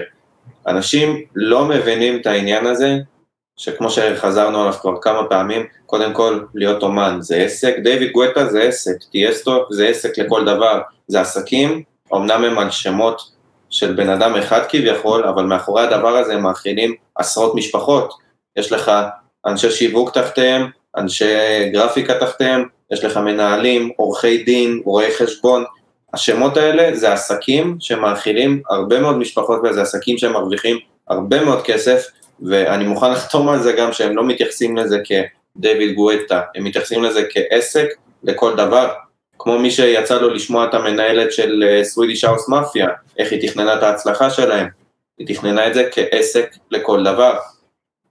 והחבר'ה בארץ לא מבינים את זה, שצריך להתייחס לעצמם כעסק, גם אני, כני קופר, מתייחס לעצמי כעסק, אני, יש לי את העניין של היוטיוב, של החברת תקליטים, יש לי את המיתוג, השיווק, זה שזה תחת השם שלי זה נחמד ויפה, אבל אם לא הייתי מתייחס לזה כעסק, סביר להניח שזה עדיין היה תקוע איפשהו כהובי ביוטיוב, והייתי עובד באיזה עבודה, משרה מלאה באיזה משרד, נחמד ויפה, וזה היה תקוע שם. אנשים לא מבינים את זה, ומשם גם בא, בא העניין הזה שהם לא מבינים שבשביל להרוויח הם צריכים להשקיע. וזה עובד ככה בכל העסקים וזה עובד ככה בכל העולם. אם אתם תנסו לחסוך, אתם לא תצליחו. אתם תנסו לחסוך בשיווק, אתם תוציאו יותר על מיתוג. אתם תנסו לחסוך במיתוג, אתם תוציאו יותר על שיווק. אם תנסו לחסוך על שניהם, אתם תהיו תקועים בדיוק באותו מקום. זה תמיד, אה, כשאנחנו מדברים על זה בפודקאסט, אני תמיד נותן אה, דוגמה על אה, חברות סטארט-אפ. בחברות סטארט-אפ יש להם מחלקה שנקראת R&D, מחקר ופיתוח, אוקיי? אתם צריכים להסתכל על עצמכם גם ככה. כדי להתפתח, מה אני צריך לעשות? איך אני, איך אני גדל? וכדי לגדול צריך להשקיע, צריך להשקיע בהשכלה, צריך להשקיע בלדבר עם האנשים הנכונים, צריך להשקיע בלקנות אה, דברים מסוימים, אם זה ציוד או דברים מסוימים, כדי שתוכלו, מה שנקרא, אה, להתקדם עם, עם הפרויקט שלכם. אז כל הנושא של להשקיע, אני חושב שיש איזשהו כלל אצבע שאני מאוד מאוד מאמין בו. חבר'ה, תיקחו, ככל שעובר הזמן, תיקחו יותר ויותר מההכנסה האישית שלכם ותשימו אותה בפרויקט. אמ, אני באופן אישי, כשהתחלתי את העסק שלי, מגה טיקטס, בשנים הראשונות, בשנתיים הראשונות, כל ההכנסות שלי הלכו בחזרה לעסק, וגם אה, הייתי עובד כשכיר, אז כל ההכנסה שלי כשכיר, ברוך השם הייתי גר אצל ההורים שלי, הייתי יכול להרשות את זה, כל ההכנסה שלי כשכיר הייתה נכנסה לעסק כדי לבנות מה שנקרא מותג. ברוך השם היום אחרי עשר שנים אנחנו יכולים להגיד, יש לנו מותג, אבל זה לקח הרבה מאוד השקעה, גם בזמן וגם בכסף, בעיקר בכסף. עכשיו, אנשים מבינים, לא נכנסים ל mindset הזה, כי הם, כמו שאתה אומר, מסתכלים על זה כ... אני עושה מוזיקה, לא כי אני הולך... אני באזור נוחות מסוים, נוח להם במצב של עכשיו, שיש להם טיפה plays, טיפה זה, יש להם הופעה פעם בשבוע והכל טוב ויפה, ויש להם את החלום הזה שיום אחד הם יתעוררו בבוקר והטרק שלהם מתפוצץ, וזהו, והם פתאום יתחילו לנגן בכל העולם והכל יסתדר והם יהיו מיליונרים, זה לא עובד ככה.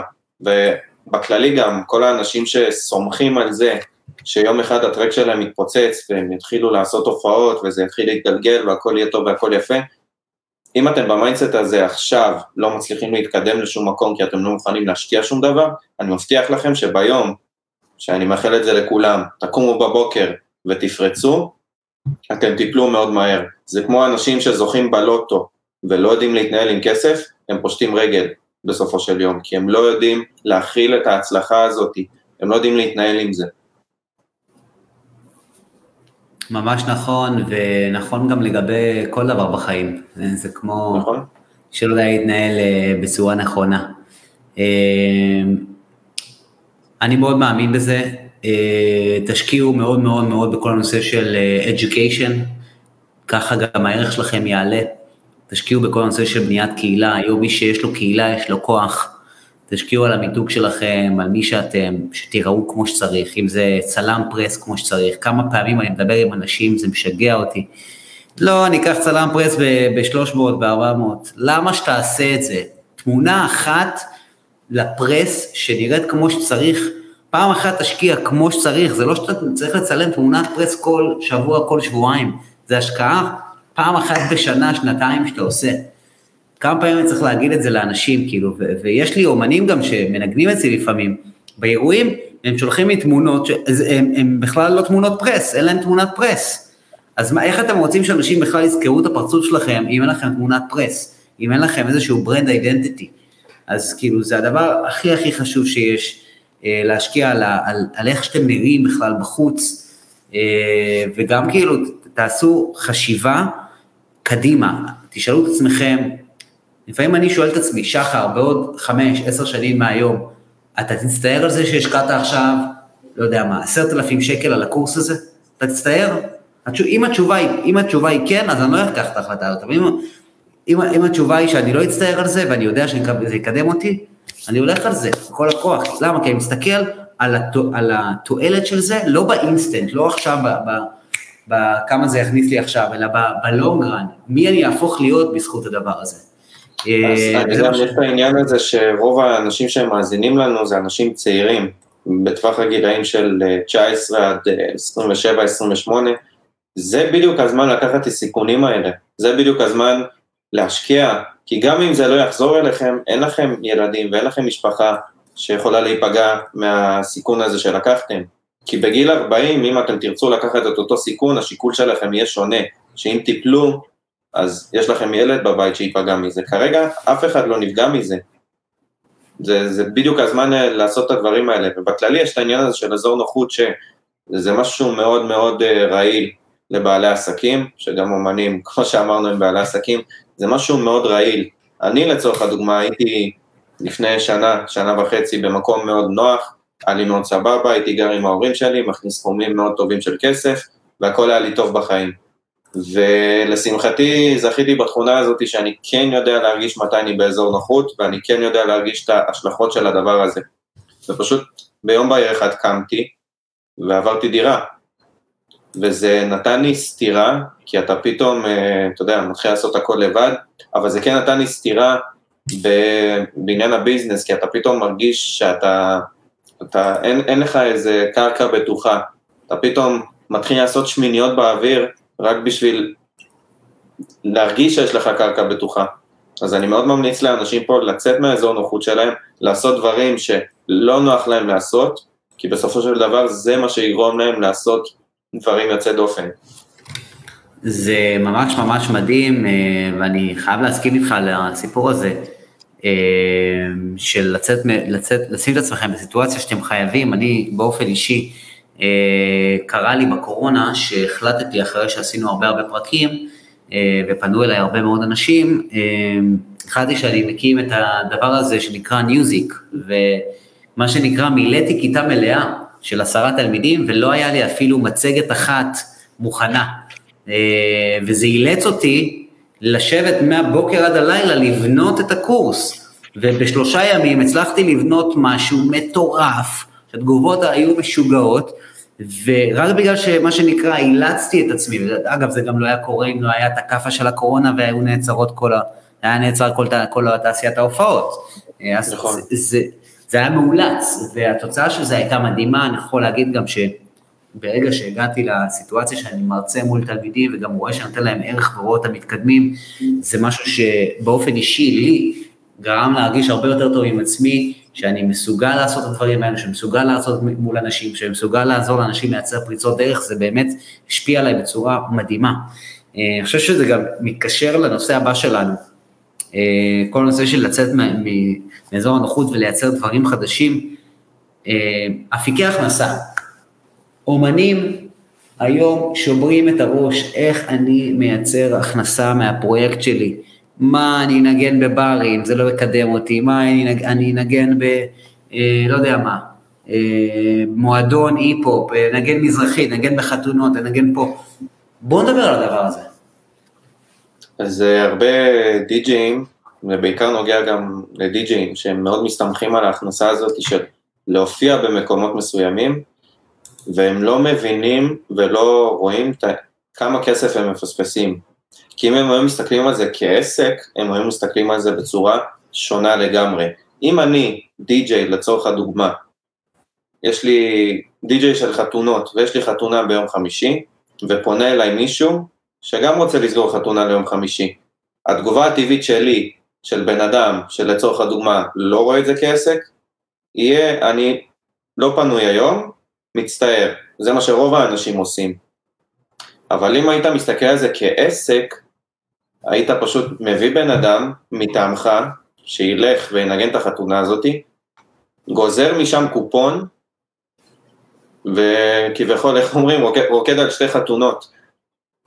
ותחשוב מה, מה, מה קורה אם אתה עושה את זה עם עשר חתונות, עם עשר די-ג'יי מטעמך, באותו יום.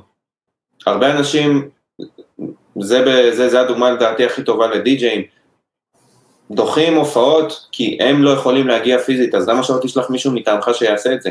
זה כמו עכשיו אה, משרד פרסום, שיש לך גרפיקאי, גרפיקאי בודד, אם יש לו יותר מדי עבודה, והוא לא רואה את זה כעסק, יגיד, אני לא יכול לקבל את העבודה הזאת, מצטער, אבל מה, מה הקטע במשרד? שעל אותו גרפיקאי יושבים עוד חמש גרפיקאים שכן ייקחו את העבודה הזאת. זה, זה ההבדל בין להיות בעל עיסוק לבעל עסק. אני מאוד מסכים עם זה שבהסתכלות שלכם צריכים להתחיל להבין שיש לכם פה אה, במוזיקה אפשרות אה, לייצר דברים גדולים. אנחנו יכולים גם לראות את הבחור הזה של, שעשה את זה בישראל ועשה את זה בענק. מי שמכיר את אה, איתי, איתי גלו, מגיע לו גם, מגיע לו גם הרבה הרבה שאפו על המהלכים המטורפים האחרונים שהוא עשה.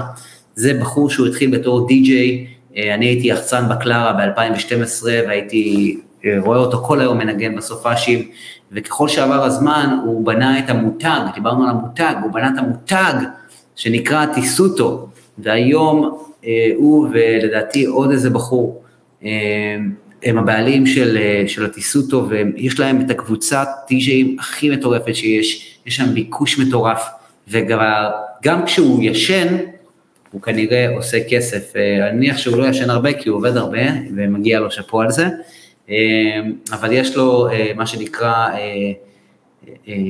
הזדמנויות גם להרוויח מ... מ, מ מדברים נוספים, שזה בעצם הצוות שעובד אה, אצלו בפרויקט הזה שנקרא טיסוטו. יש כאן מישהו שכתב בתגובות שאנחנו משתמשים במילים שקשה להרבה אנשים, מהאנשים פה להבין, אז אני רק אגיד שכשאני אמרתי תמונת פרס, אני מניח שאנשים יודעים שזו התמונה שמשתמשים בה כשאתם, אה, אה, לצורך העניין, שולחים תמונה למקום שאתם מנגנים בו, או משתמשים בזה לספוטיפיי שלכם, או לתמונת פרופיל שלכם. זו תמונת press מהמילה press kit, אוקיי? press זה גם אה, תקשורת. אה, עוד משהו שהשתמשתי בו, המילה סקילים, skill מן הסתם זה כישורים, השתמשנו אה, במילה, מה עוד? נראה לי שזהו, כן. אה, תסבירו את מה שאתם זורקים באוויר, אני, אני מניח שפה חבר'ה מבינים אה, אה, אנגלית, אז זה ככה ברור להם. אה, אז, אז בקטע הזה אני, אני באמת מסכים איתך שיש הזדמנויות מטורפות. אנחנו דיברנו על כמה אה, דברים שאמנים יכולים לעשות בכדי להבטיח את ההכנסה שלהם, כדי להבטיח להם עוד תיקי הכנסה. אם אתם עכשיו נמצאים במצב שאתם יודעים כבר להפיק מוזיקה, כן, בוא, בוא נדבר על זה. לא שמעתי את מה שאמרת, נתקעת לשנייה, מה באת להגיד? אני עצרתי, כי אני רציתי שאתה תגיד את זה. אם אתם נמצאים בסיטואציה שאתם כבר יודעים להפיק מוזיקה, בואו נדבר על, ה, על מה, מה האופציות שעומדות לפניכם. אתה יכול, אה, אני מאמין שכל יוצר, כל מפיק נמצא בנקודה שתמיד יש מישהו שנמצא בנקודה יותר נמוכה והוא היה רוצה להיות בנקודה שלו. אז גם את זה הייתי ממנף לעניין של אם אני מפיק, נניח ואני לא ברמה הכי גבוהה שיש, כן, אני לא מרטין גריקס, אבל אני עדיין יכול ללמד הרבה חבר'ה צעירים יותר ממני או פחות מנוסים ממני להפיק. אני יכול לשווק קורסים של, לאנשים שרוצים להתחיל ללמוד להפיק לצורך הדוגמה, עד הרמה שלי. וזה גם מה שהרבה אנשים לא חושבים עליו, כי הם מקבעים את עצמם באיזושהי, באיזושהי בועה כזאת, שאני לא, אני עדיין לא נמצא ברמה של ללמד אנשים. תמיד יש אנשים שהם ברמה מתחתיכם והם רוצים להיות ברמה שלכם, תנצלו את זה. להעביר ידע זה אחלה, אחלה דרך אה, לייצר עוד אה, אפיקי הכנסה, במיוחד בעולם דיגיטלי היום. זה מי שידע לעשות את זה, הוא אה, ירוויח מזה ובגדול, אני מסכים מאוד. יש כאן מישהו שכתב בתגובה, סליחה שאני באמצע קוטע את הכל, אבל זה חשוב להגיד את זה, יש כאן בחור שקוראים לו יובל מאם, ורשם, מאז השחרור אצל ניק, נפתחו לי כמה דלתות בתחום. אז יש לך פה דש מיוחד בתגובות, אה, אני מניח שאתה, מניח שאחרי הפרק הזה, ואחרי שהרבה יאזינו פה, ישלחו לך הרבה הודעות בפרטי, חבר'ה, ניק הוא בן אדם עסוק, אבל הוא יגיע לכולם ויענה לכולם, יש לכם גם תכף אה, זמן לשאלות אה, תשובות, אז מי שיש לו כבר שאלה בראש, זה הזמן להתחיל לרשום את השאלות שלכם, חברים, כי אנחנו רוצים לעבור על כל השאלות ככה בזריז, שלא יהיה מצב שנפספס את השאלה שלכם. חוץ מהעובדה הזאת שהם יכולים ללמד אה, אני חושב שאתה אמרת שיש אפשרות גם לייצר דברים כמו producer kit. אה, מה זה producer kit? אני לא יודע. אתה לא מכיר? לא. עכשיו ג'וליאן ג'ורדן, לצורך הדוגמה, מוציא חבילת אה, kicks. אוקיי. Okay. kicks בסגנון שלו, חבילת אה, snares בסגנון שלו, כל מיני, אה, כל מיני סאונדים בסגנון שלו. ואני מאמין שכל אחד מהאנשים פה יש לו בסופו של דבר איזשהו signature אה, סאונד משלו כזה, איזשהו סגנון משלו, הוא יכול לייצר מזה קיטים של כל מיני אה, צלילים וסאונדים ולמכור אותם לאומנים אחרים. יפה מאוד. וזה משהו מאוד נפוץ, הרבה מאוד די-ג'אים עושים את זה, המון.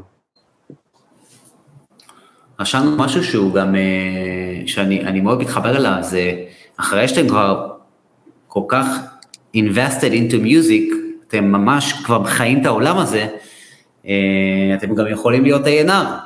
ניק אה, מציע ואומר נכון. שזה עבודה מרחוק, זאת עבודה מרחוק, ולא רק שזאת עבודה מרחוק, זאת עבודה שיכולה לפתוח לכם אחוש לוקי דלתות.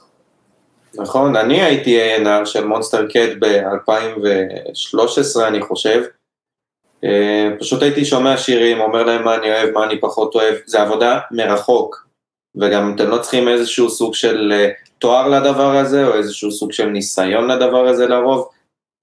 הכי חשוב לבעל לייבל, כמו שאני חיפשתי A&R ללייבל שלי, פשוט היה לי חשוב לראות מה הטעם שלו במוזיקה, אם הטעם שלי חופף לטעם שלו, אז אני סומך על הבחירה שלו. אני יודע שהוא הביא לי דברים לטעמי. וזה העניין ברוב הלייבלים, אתם לא צריכים איזשהו סוג של תואר או איזשהו קורס לדבר הזה, כל אחד יכול לעשות את זה מהבית. עוד משהו שאתה רשמת פה זה על כל הנושא של אה, שירותי מוזיקה למועדונים וחתונות, אני חושב שזה בארץ אה, אחד התחומים שהכי מרוויחים במוזיקה ודי-ג'אים. מה זה? אני אומר, כל הנושא של אה, שירותי מוזיקה למועדונים וחתונות. אני באופן אישי נתקלתי באמנים שהם אה, הם, הם די-ג'אים מטורפים, הם גם producers מטורפים, אבל רוב ההכנסה שלהם, הם, הם מתבססים כמובן על תעשיית או המועדונים או חתונות. מן הסתם שחתונות זה כבר סכומים הרבה יותר טובים. אם אתם כן. יודעים לבסס את המעמד שלכם בעולם החתונות, אתם יכולים ממש ממש לחיות בצורה מדהימה מלעשות מוזיקה, להרגיש את הקהל, ומדי פעם להכניס את המוזיקה שלכם גם כשאתם מנגנים שם מול קהל. אז נכון. זה, זה בעיניי משהו שהוא מדהים, אה, ואני גם מאוד מאוד מסכים עם, אה, ניק בנושא הזה. אה, אתה דיברת איתי על, על ג'וזי גם, דיברת ככה, כדרך אגב, על אדון בשם ג'וזי, אנחנו יכולים לראות ש... מה שהוא עשה. אה, אתה רוצה להגיד את זה? כי אני זוכר שאתה... מהלך גאוני, הוא בכללי, מי שלא יודע, המנהל שלו זה גם המנהל של ויני ויצ'י. דימה זה אח יקר, אחלה דימה, כן. מדהים. אחלה דימה. מה שג'וזי עשה, מי שלא מכיר, הוא היה באח הגדול, הוא גם די-ג'יי, הוא בעצם מינף את ה peak הזה, מי, מי שמכיר את האח הגדול, הוא יודע ש... אני לא יודע אם אתם אוהבים את התוכנית, לא אוהבים את התוכנית, זה לא משנה, אבל עובדתית, מי שנמצא שם, יש לו סוג של אה, peak, של הייפ סביבו, של איזשהו סוג של אה, דיבור סביבו.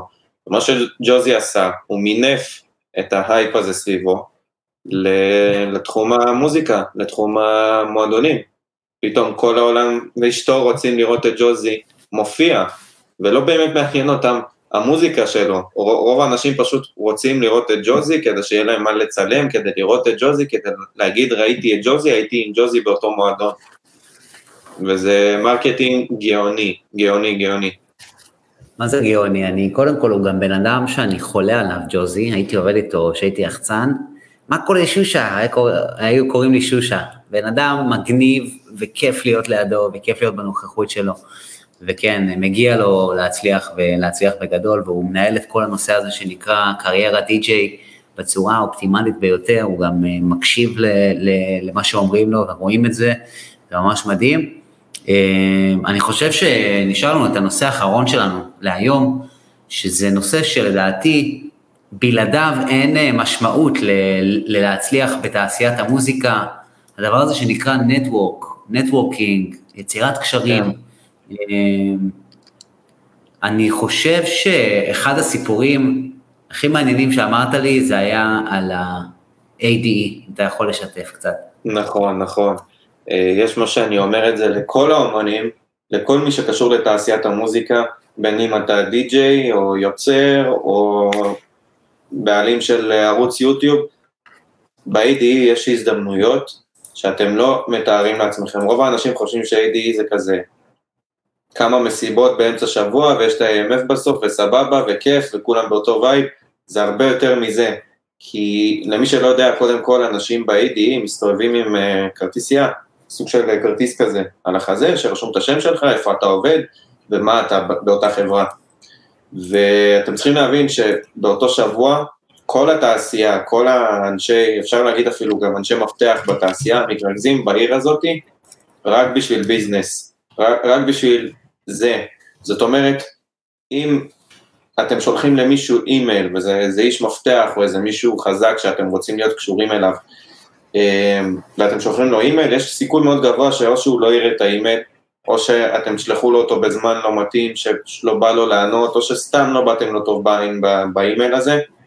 אם אתם תראו את הבן אדם הזה ב-ADE, קודם כל הוא בא לשם בשביל שיפנו אליו, הוא בא לשם כדי לייצר הזדמנויות, ובפנים מול פנים הוא לא יכול לסנן אתכם, הוא לא יכול אה, לצאת מהאימייל ולמחוק אותו, או whatever, הוא יהיה חייב לתת לכם מענה. אז הרבה אנשים לא מבינים את העוצמה של הדבר הזה, הם לא מבינים את העוצמה שהרבה אנשים מגיעים לשם בשביל business, בשביל networking קוראים לזה במילים אחרות, בשביל זה אנשים באים לשם. ורוב האנשים לא מנצלים את זה גם כמו שצריך. אני חושב שזה אחלה הזדמנות אה, לראות אנשים בעולם האמיתי, ואהבתי שאתה אמרת, אין לו ברירה, הוא לא יכול לא לפתוח את המייל, אתה מולו, מה זאת אומרת? נכון, זה מה שנקרא, נכון. אם הדלת לא נפתחת, נלך נבעט בדלת עם אה, פטיש כן. חמש קילו, נפתח אותה ככה, אה, וזה מדהים, אני זוכר שאתה סיפרת לי איזה בחור יוצר, ש... נכון, נכון, יש מישהו שעשה בדיוק את מה שאמרתי לך עכשיו, הוא ניצל את העניין הזה שאם אתה ניגש לבן אדם הוא לא יכול לסנן אותך. היה איזשהו אה, יוצר, קראו לו אה, Wasback, למי שמכיר, הוא הוציא שירים ב Blasterjaxx, הוא הוציא שירים ב Spinnin', היה לו תקופה מאוד מאוד טובה בתעשייה. ילד איטלקי, אה, ב-ADE, אני לא זוכר, נראה לי ב-2017, ישבתי עם חבר בשולחן, וכמו שאמרתי, לכל אחד יש את הכרטיסייה הזאת שרשום שם, מה אתה עושה, ואצלי, בגלל שהשם שלי הוא המותג שלי, גם מרחוק רואים, כי השם הוא גדול, השם הפרטי הוא גדול, אז מרחוק גם רואים את השם שלי. הוא כנראה עבר שם, הוא היה אז בן 16 אה, או 17, ילד איטלקי חמוד כזה, הוא רואה, הוא רואה את השם שלי מרחוק, הוא רואה שאני יושב עם בן אדם, בדיוק דיברתי עם מישהו, והוא ניגש אליי ואומר, מה קורה? אני מת על הערוץ שלך, אבל אתה לא עונה לי בפייסבוק. ובדיעבד אני יודע שלא לא ראיתי את ההודעות שלו בפייסבוק, לא ראיתי את האימיילים שלו, זה נבלע איפשהו בהודעות. ומה שהוא עשה באותו רגע, אה, הוא לא אמר לי, תענה לי או דבר איתי אחרי זה, הוא פשוט הוציא את הטלפון ואמר לי, אתה יכול לשמוע את השיר שלי עכשיו? אני חושב ששווה שתשמע אותו. אז אני, קודם כל מחוסר נעימות, ב', מהרושם שהוא פתאום יצא, שזה בן אדם שבא לתת עבודה, כמו שאומרים, אז אמרתי לו, בטח. שמעתי את הטרק שלו, הבנתי שהבן אדם באמת באמת מוכשר, באמת בדיוק הסגנון שאני צריך, ובדיוק, אה, זה בדיוק גם, אה, אתה יודע, הוא מאוד אה, מזכיר שהם מאוד גדולים שאני עבדתי איתם באותו זמן, בלסטר ג'קס וחבר'ה כאלה, והוא נחת לי בזיכרון. אחרי ה-ADE תמכתי בו, אחרי ה-ADE הוא חתם הרבה ב Spinnin', הוא, הוא חתם track עם Blasterjaxx, ואני מאמין שחלק גדול מההצלחה שלו הגיע בגלל, ה... בגלל הגישה שלו הזאתי. אני בטוח במיליון אחוז שבאותו ADE הוא ניגש לעוד 200-300 אנשים ככה, אנשי מפתח בתעשייה או אנשי מפתח בשבילו, ואמר להם, קחו, תשמעו את השיר שלי, במקום. זה, זה למה לא, לא, לא הופתעתי למה, למה הוא פתאום פרץ והצליח, כי ראיתי את הגישה שלו, ואני חושב שהרבה אנשים פה, שאו לא טסים ל-ADE או שטסים לשם ולא יוצאים משם עם יותר מדי דברים, כנראה עושים משהו לא נכון.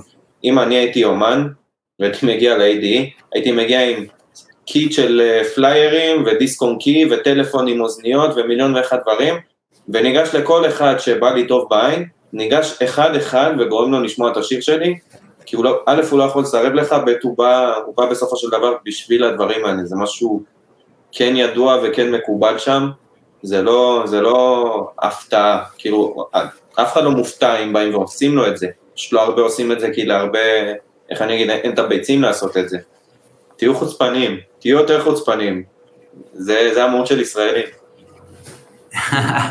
תראו, אם האיטלקי עשה את זה, אתה אומר גם ישראלים יכולים לעשות את זה. אם האיטלקי עשה את זה, הישראלי יכול, אה, מה, מה זה יכול? הוא יכול גם להיכנס למחשב של הבן אדם באותו רגע ולשלוח לעצמו מייל. שם JBL, כולם עכשיו עוצרים הכל, שומעים את ה track שלי עכשיו. אה, גדול. אה, כן, תשמע, אני, אני מאוד מתחבר לה, לעובדתיות של, של האינסטנט, של לבוא עם אוזניות ו, ולשים את, ה, את הקטע עכשיו, בוא תשמע עכשיו, הנה שאני פה במקום, וגם יש לזה גם את הטאצ' האישי, שהוא ממש מולך, והוא מסתכל עליך שאתה מאזין לזה. ואתה גם לא יכול לסרב, אף אחד, אני מאוד קשה להאמין שמישהו במעמד הזה פתאום יבוא ויגיד, לא, לא בא לי לשמוע.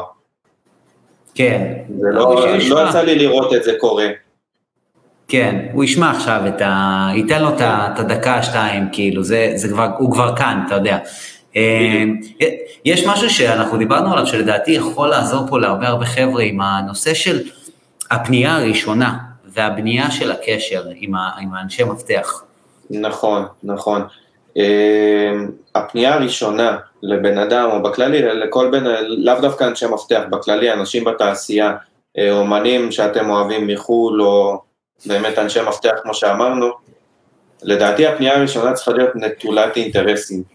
אתה לא פונה באיזה אינטרס שהבן אדם יתמוך בך, יעזור לך, יקדם אותך, יקשר אותך. המטרה שלך זה לבנות איתו קשר באמת חברותי בסופו של דבר. כי אני לצורך הדוגמה, אם מישהו פונה, אני רואה הבדל מאוד גדול בין מישהו שפונה אליי בקטע ידידותי, מה נשמע אחי, איך אתה והכל, ומדבר איתי על נושאים כלליים בהתחלה, לבין מישהו שעל ההתחלה דוחף לי איזה לינק ואומר לי קח תשמע ו...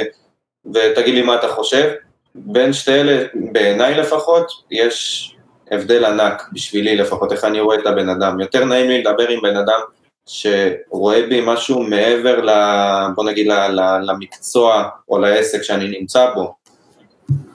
ורוב האנשים שפנו אליי ככה, נשארתי איתם בקשר מאוד מאוד אה, צמוד עד היום. יש הרבה אומנים ששעות על גבי שעות ישבנו ודיברנו על המצב בישראל, על המצב במדינה שלהם, על המצב של הקורונה במדינה שלהם, וזה אומנים שאני באמת קרוב אליהם מעבר לפן העסקי. וזה משפיע מאוד, אגב, גם על הפן העסקי, יותר בא לי לעזור לבן אדם שבאמת התחברתי אליו, שאני מחשיב אותו כחבר.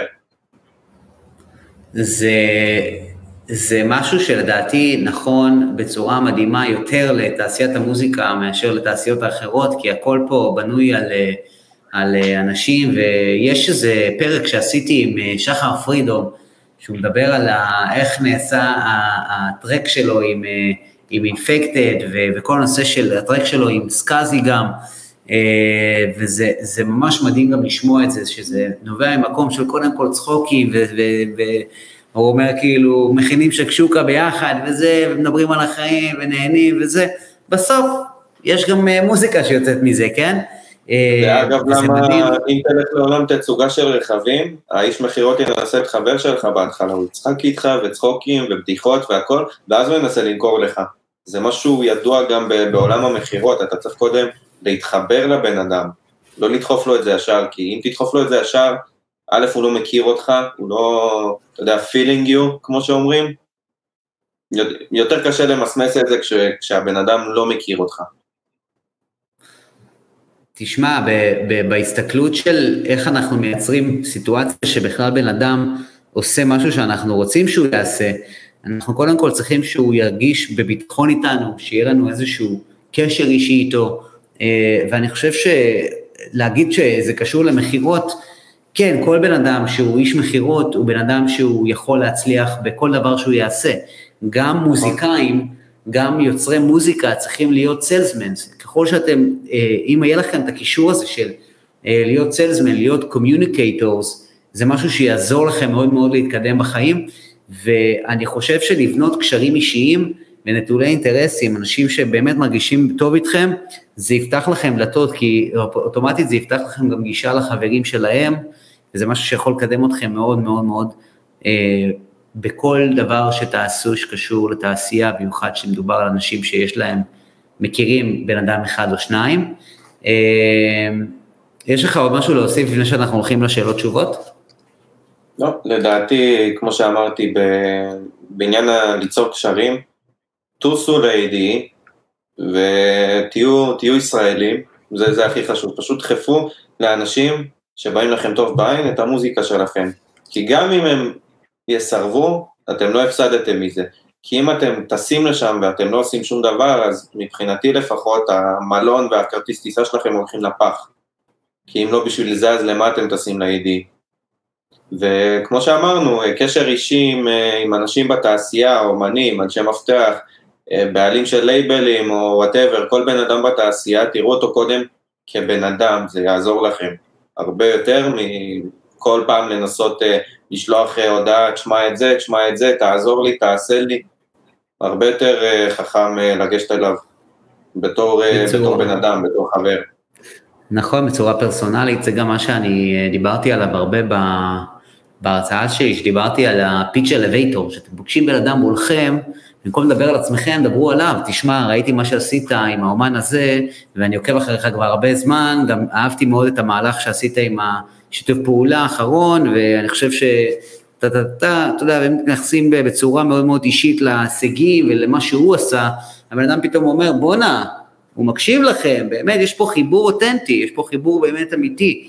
אה. ואתם לא רק באים אליו, יש גם אה, את האנלוגיה הנוספת של אה, בדייט הראשון שלכם, אתם לא באים עם, לבחורה ואומרים לה שומעת, יאללה, זמן ללכת אלינו, אליי לדירה, זה עכשיו, אתם, זה גם אחלה אנלוגיה שיכולה אולי לעשות שכל פה גם בצורה מסוימת, אבל כן, זה משהו שבונים אותו, הוא נבנה בצורה אותנטית ונכונה ולאורך זמן, בכלל באופן כללי לבנות מערכות יחסים, מי שיודע לבנות מערכות יחסים, זה משהו שישרת אותו לא רק במוזיקה, אלא כל דבר שהוא יעשה בחיים. אה, יש כאן שאלה ראשונה ששואלים, אה, איך היית מנסח אימייל בצורה טובה ללייבל או לפרומו מייל? אוקיי, okay, אז אני אגיד את זה גם בתור אחד ששלח מיילים כאלה וגם אחד כזה שמקבל מיילים כאלה.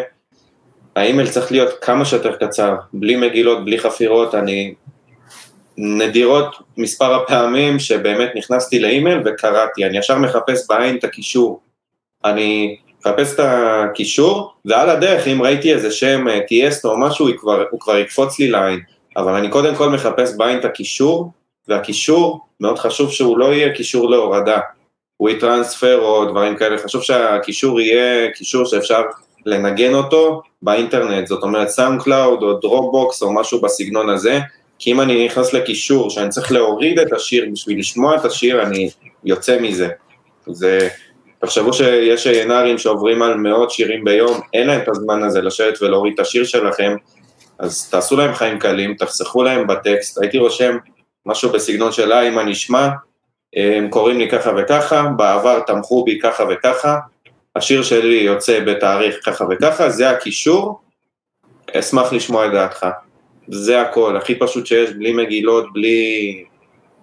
אף אחד לא יקרא את זה בכל מקרה. אה, ממש, אה, ממש נכון, ממש אהבתי, ואמרת שמשתמשים ב...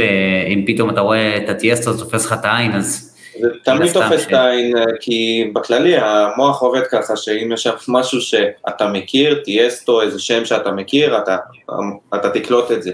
אז אם תמכו בכם שמות גדולים שאותו לייבל או בן אדם עלול להכיר, תשימו אותם שם. אבל שוב פעם, לא, לא לחפור יותר מדי. כמה שמות מפתח, קישור, אשמח לשמוע את דעתך וזהו. ואם אתם רוצים, אגב, אם הם לא עונים לכם, אז אתם כן יכולים אחרי שבוע או שבוע וחצי לשלוח לא אה, מה קורה תזכורת, אלא לשלוח שלום, מצאת זמן לעבור על זה, משהו יותר, אה, יותר מכבד. זה, זה מראה שאתם כן מכבדים את, ה, את זה שהם עסוקים, את זה שאין להם זמן. אז אני בדרך כלל רושם, היי מה נשמע, אה, מצאת זמן לעבור על זה, ואז בדרך כלל אחרי דבר כזה כן עונים לי, תמיד. מדהים. follow-up, אה, מדהים. אה, איך היית, איך היית רוצה שיראה דף של אומן מתחיל בתור לייבל, מהכובע של הלייבל? איך הייתי רוצה שיראה דף של אומן מתחיל באינסטגרם, אתה מתכוון? כנראה, או האינסטגרם, כן, מניח שהוא מתכוון לאינסטגרם. בגדול הייתי רוצה בתור לייבל לראות קהילה סביבו, לראות uh, לאו דווקא מספר של עוקבים, יכול להיות זה, יש הבדל בין uh, אלף עוקבים שהם, איך אומרים, ממש תומכים בך, ממש מגיבים על כל סרטון והולכים איתך ל- ל- ל- לכל מקום, לבין מישהו עם עשר אלף עוקבים, שהוא לא, לא מעניין אף אחד מהעשר אלף האלה, אז אני לא מסתכל באופן ישיר על מספר העוקבים, אני מסתכל על באמת עד כמה, עד כמה הקהילה חזקה אצלו. זה, זה פחות או יותר מה שהכי חשוב לי ב, באותו, באותו אומן, איזה קהילה הוא מביא איתו. זו לא הכמות, זו האיכות. בדיוק. במיוחד בהתחלה. אה, אני מסכים מאוד, אה, ממש ממש נכון, גם אני ככה, ככה אני גם לפעמים בוחר את האומנים שינגנו אצלי ב, באירועים. אה, יש כאן עוד שאלה שהיא מאוד מאוד, טוב, קודם כל בואו נשאל את השאלה הזאת, איך הגעת למצב שאתה A&R? במונסטר קט זה היה, בזמנו, וואי, אני לא ממש זוכר את האמת, כן תמכתי בשירים שלהם וגם הנטוורק, יש ביוטיוב דבר כזה שקוראים לו נטוורק, שזה איזשהו גוף שמתווך בינך לבין יוטיוב, בכל עניין, בכל עניין הכספים והזכויות יוצרים, אה, והנטוורק הזה הוא בבעלות אה, אחד מהבעלים של מונסטר קט.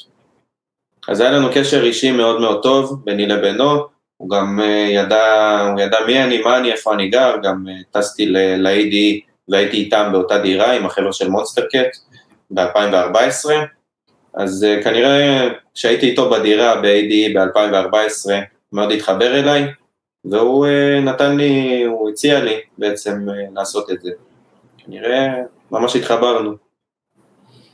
בסיטואציה שאתה היית, כבר אתה היית באינטראקציה עם האנשים האלו, אה, מקווה שזה עונה לבחור פה ששאל את השאלה הזאת, אז מן הסתם כשאתה באינטראקציה עם אנשים כאלו והם רואים שאתה, מה שנקרא דומיין אקספרטיז, או יש לך את, ה, יש לך את הידע אה, בתחום הזה ואתה, אה, מה שנקרא אוטוריטה בעברית, בתחום, אז מן הסתם שזה אוטומטית פותח לך את ההזדמנויות האלו. אה, שאלה אחרונה לדעתי, אה, איך אפשר לשווק אה, מוזיקה בצורה מאומנת ביוטיוב ובספוטיפיי? אתה כן יכול לעשות פרסומת ממומנת גם ביוטיוב וגם בספוטיפיי, שיצא לך איזשהו שיר, אתה יודע, swipe up ודברים כאלה, אני יותר אוהב את העניין של מה שאמרנו עם הפלייליסטים בספוטיפיי, שאתה מקדם פלייליסט בממומן, באינסטגרם ובפייסבוק, וכשהם עושים swipe up הם מגיעים לאותו פלייליסט. לדעתי לזה יש הרבה יותר עוצמה מלקדם שיר מסוים בממומן, אם אתה צריך לבחור אה, אחד מביניהם, אם אתה יכול ללכת על שתיהם, ברכה. אם אתה צריך לבחור אחד מהם מפאת uh, תקציב או, או לא משנה מה, הייתי הולך יותר דווקא על העניין של, ה, של הפלייליסט. כי אם תבנה פלייליסט חזק, הוא לדעתי לפחות יותר עוצמתי משיר, uh, משיר חזק.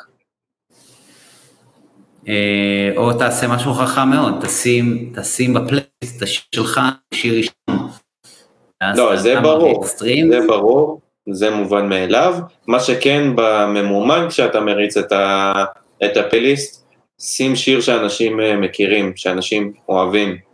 לא עכשיו איזשהו שיר שהוא לא מוכר ואתה חושב שהוא יתפוס. אני לצורך הדוגמה הייתי שם, אה, הייתי שם את הרמיקס של אלוק, ל...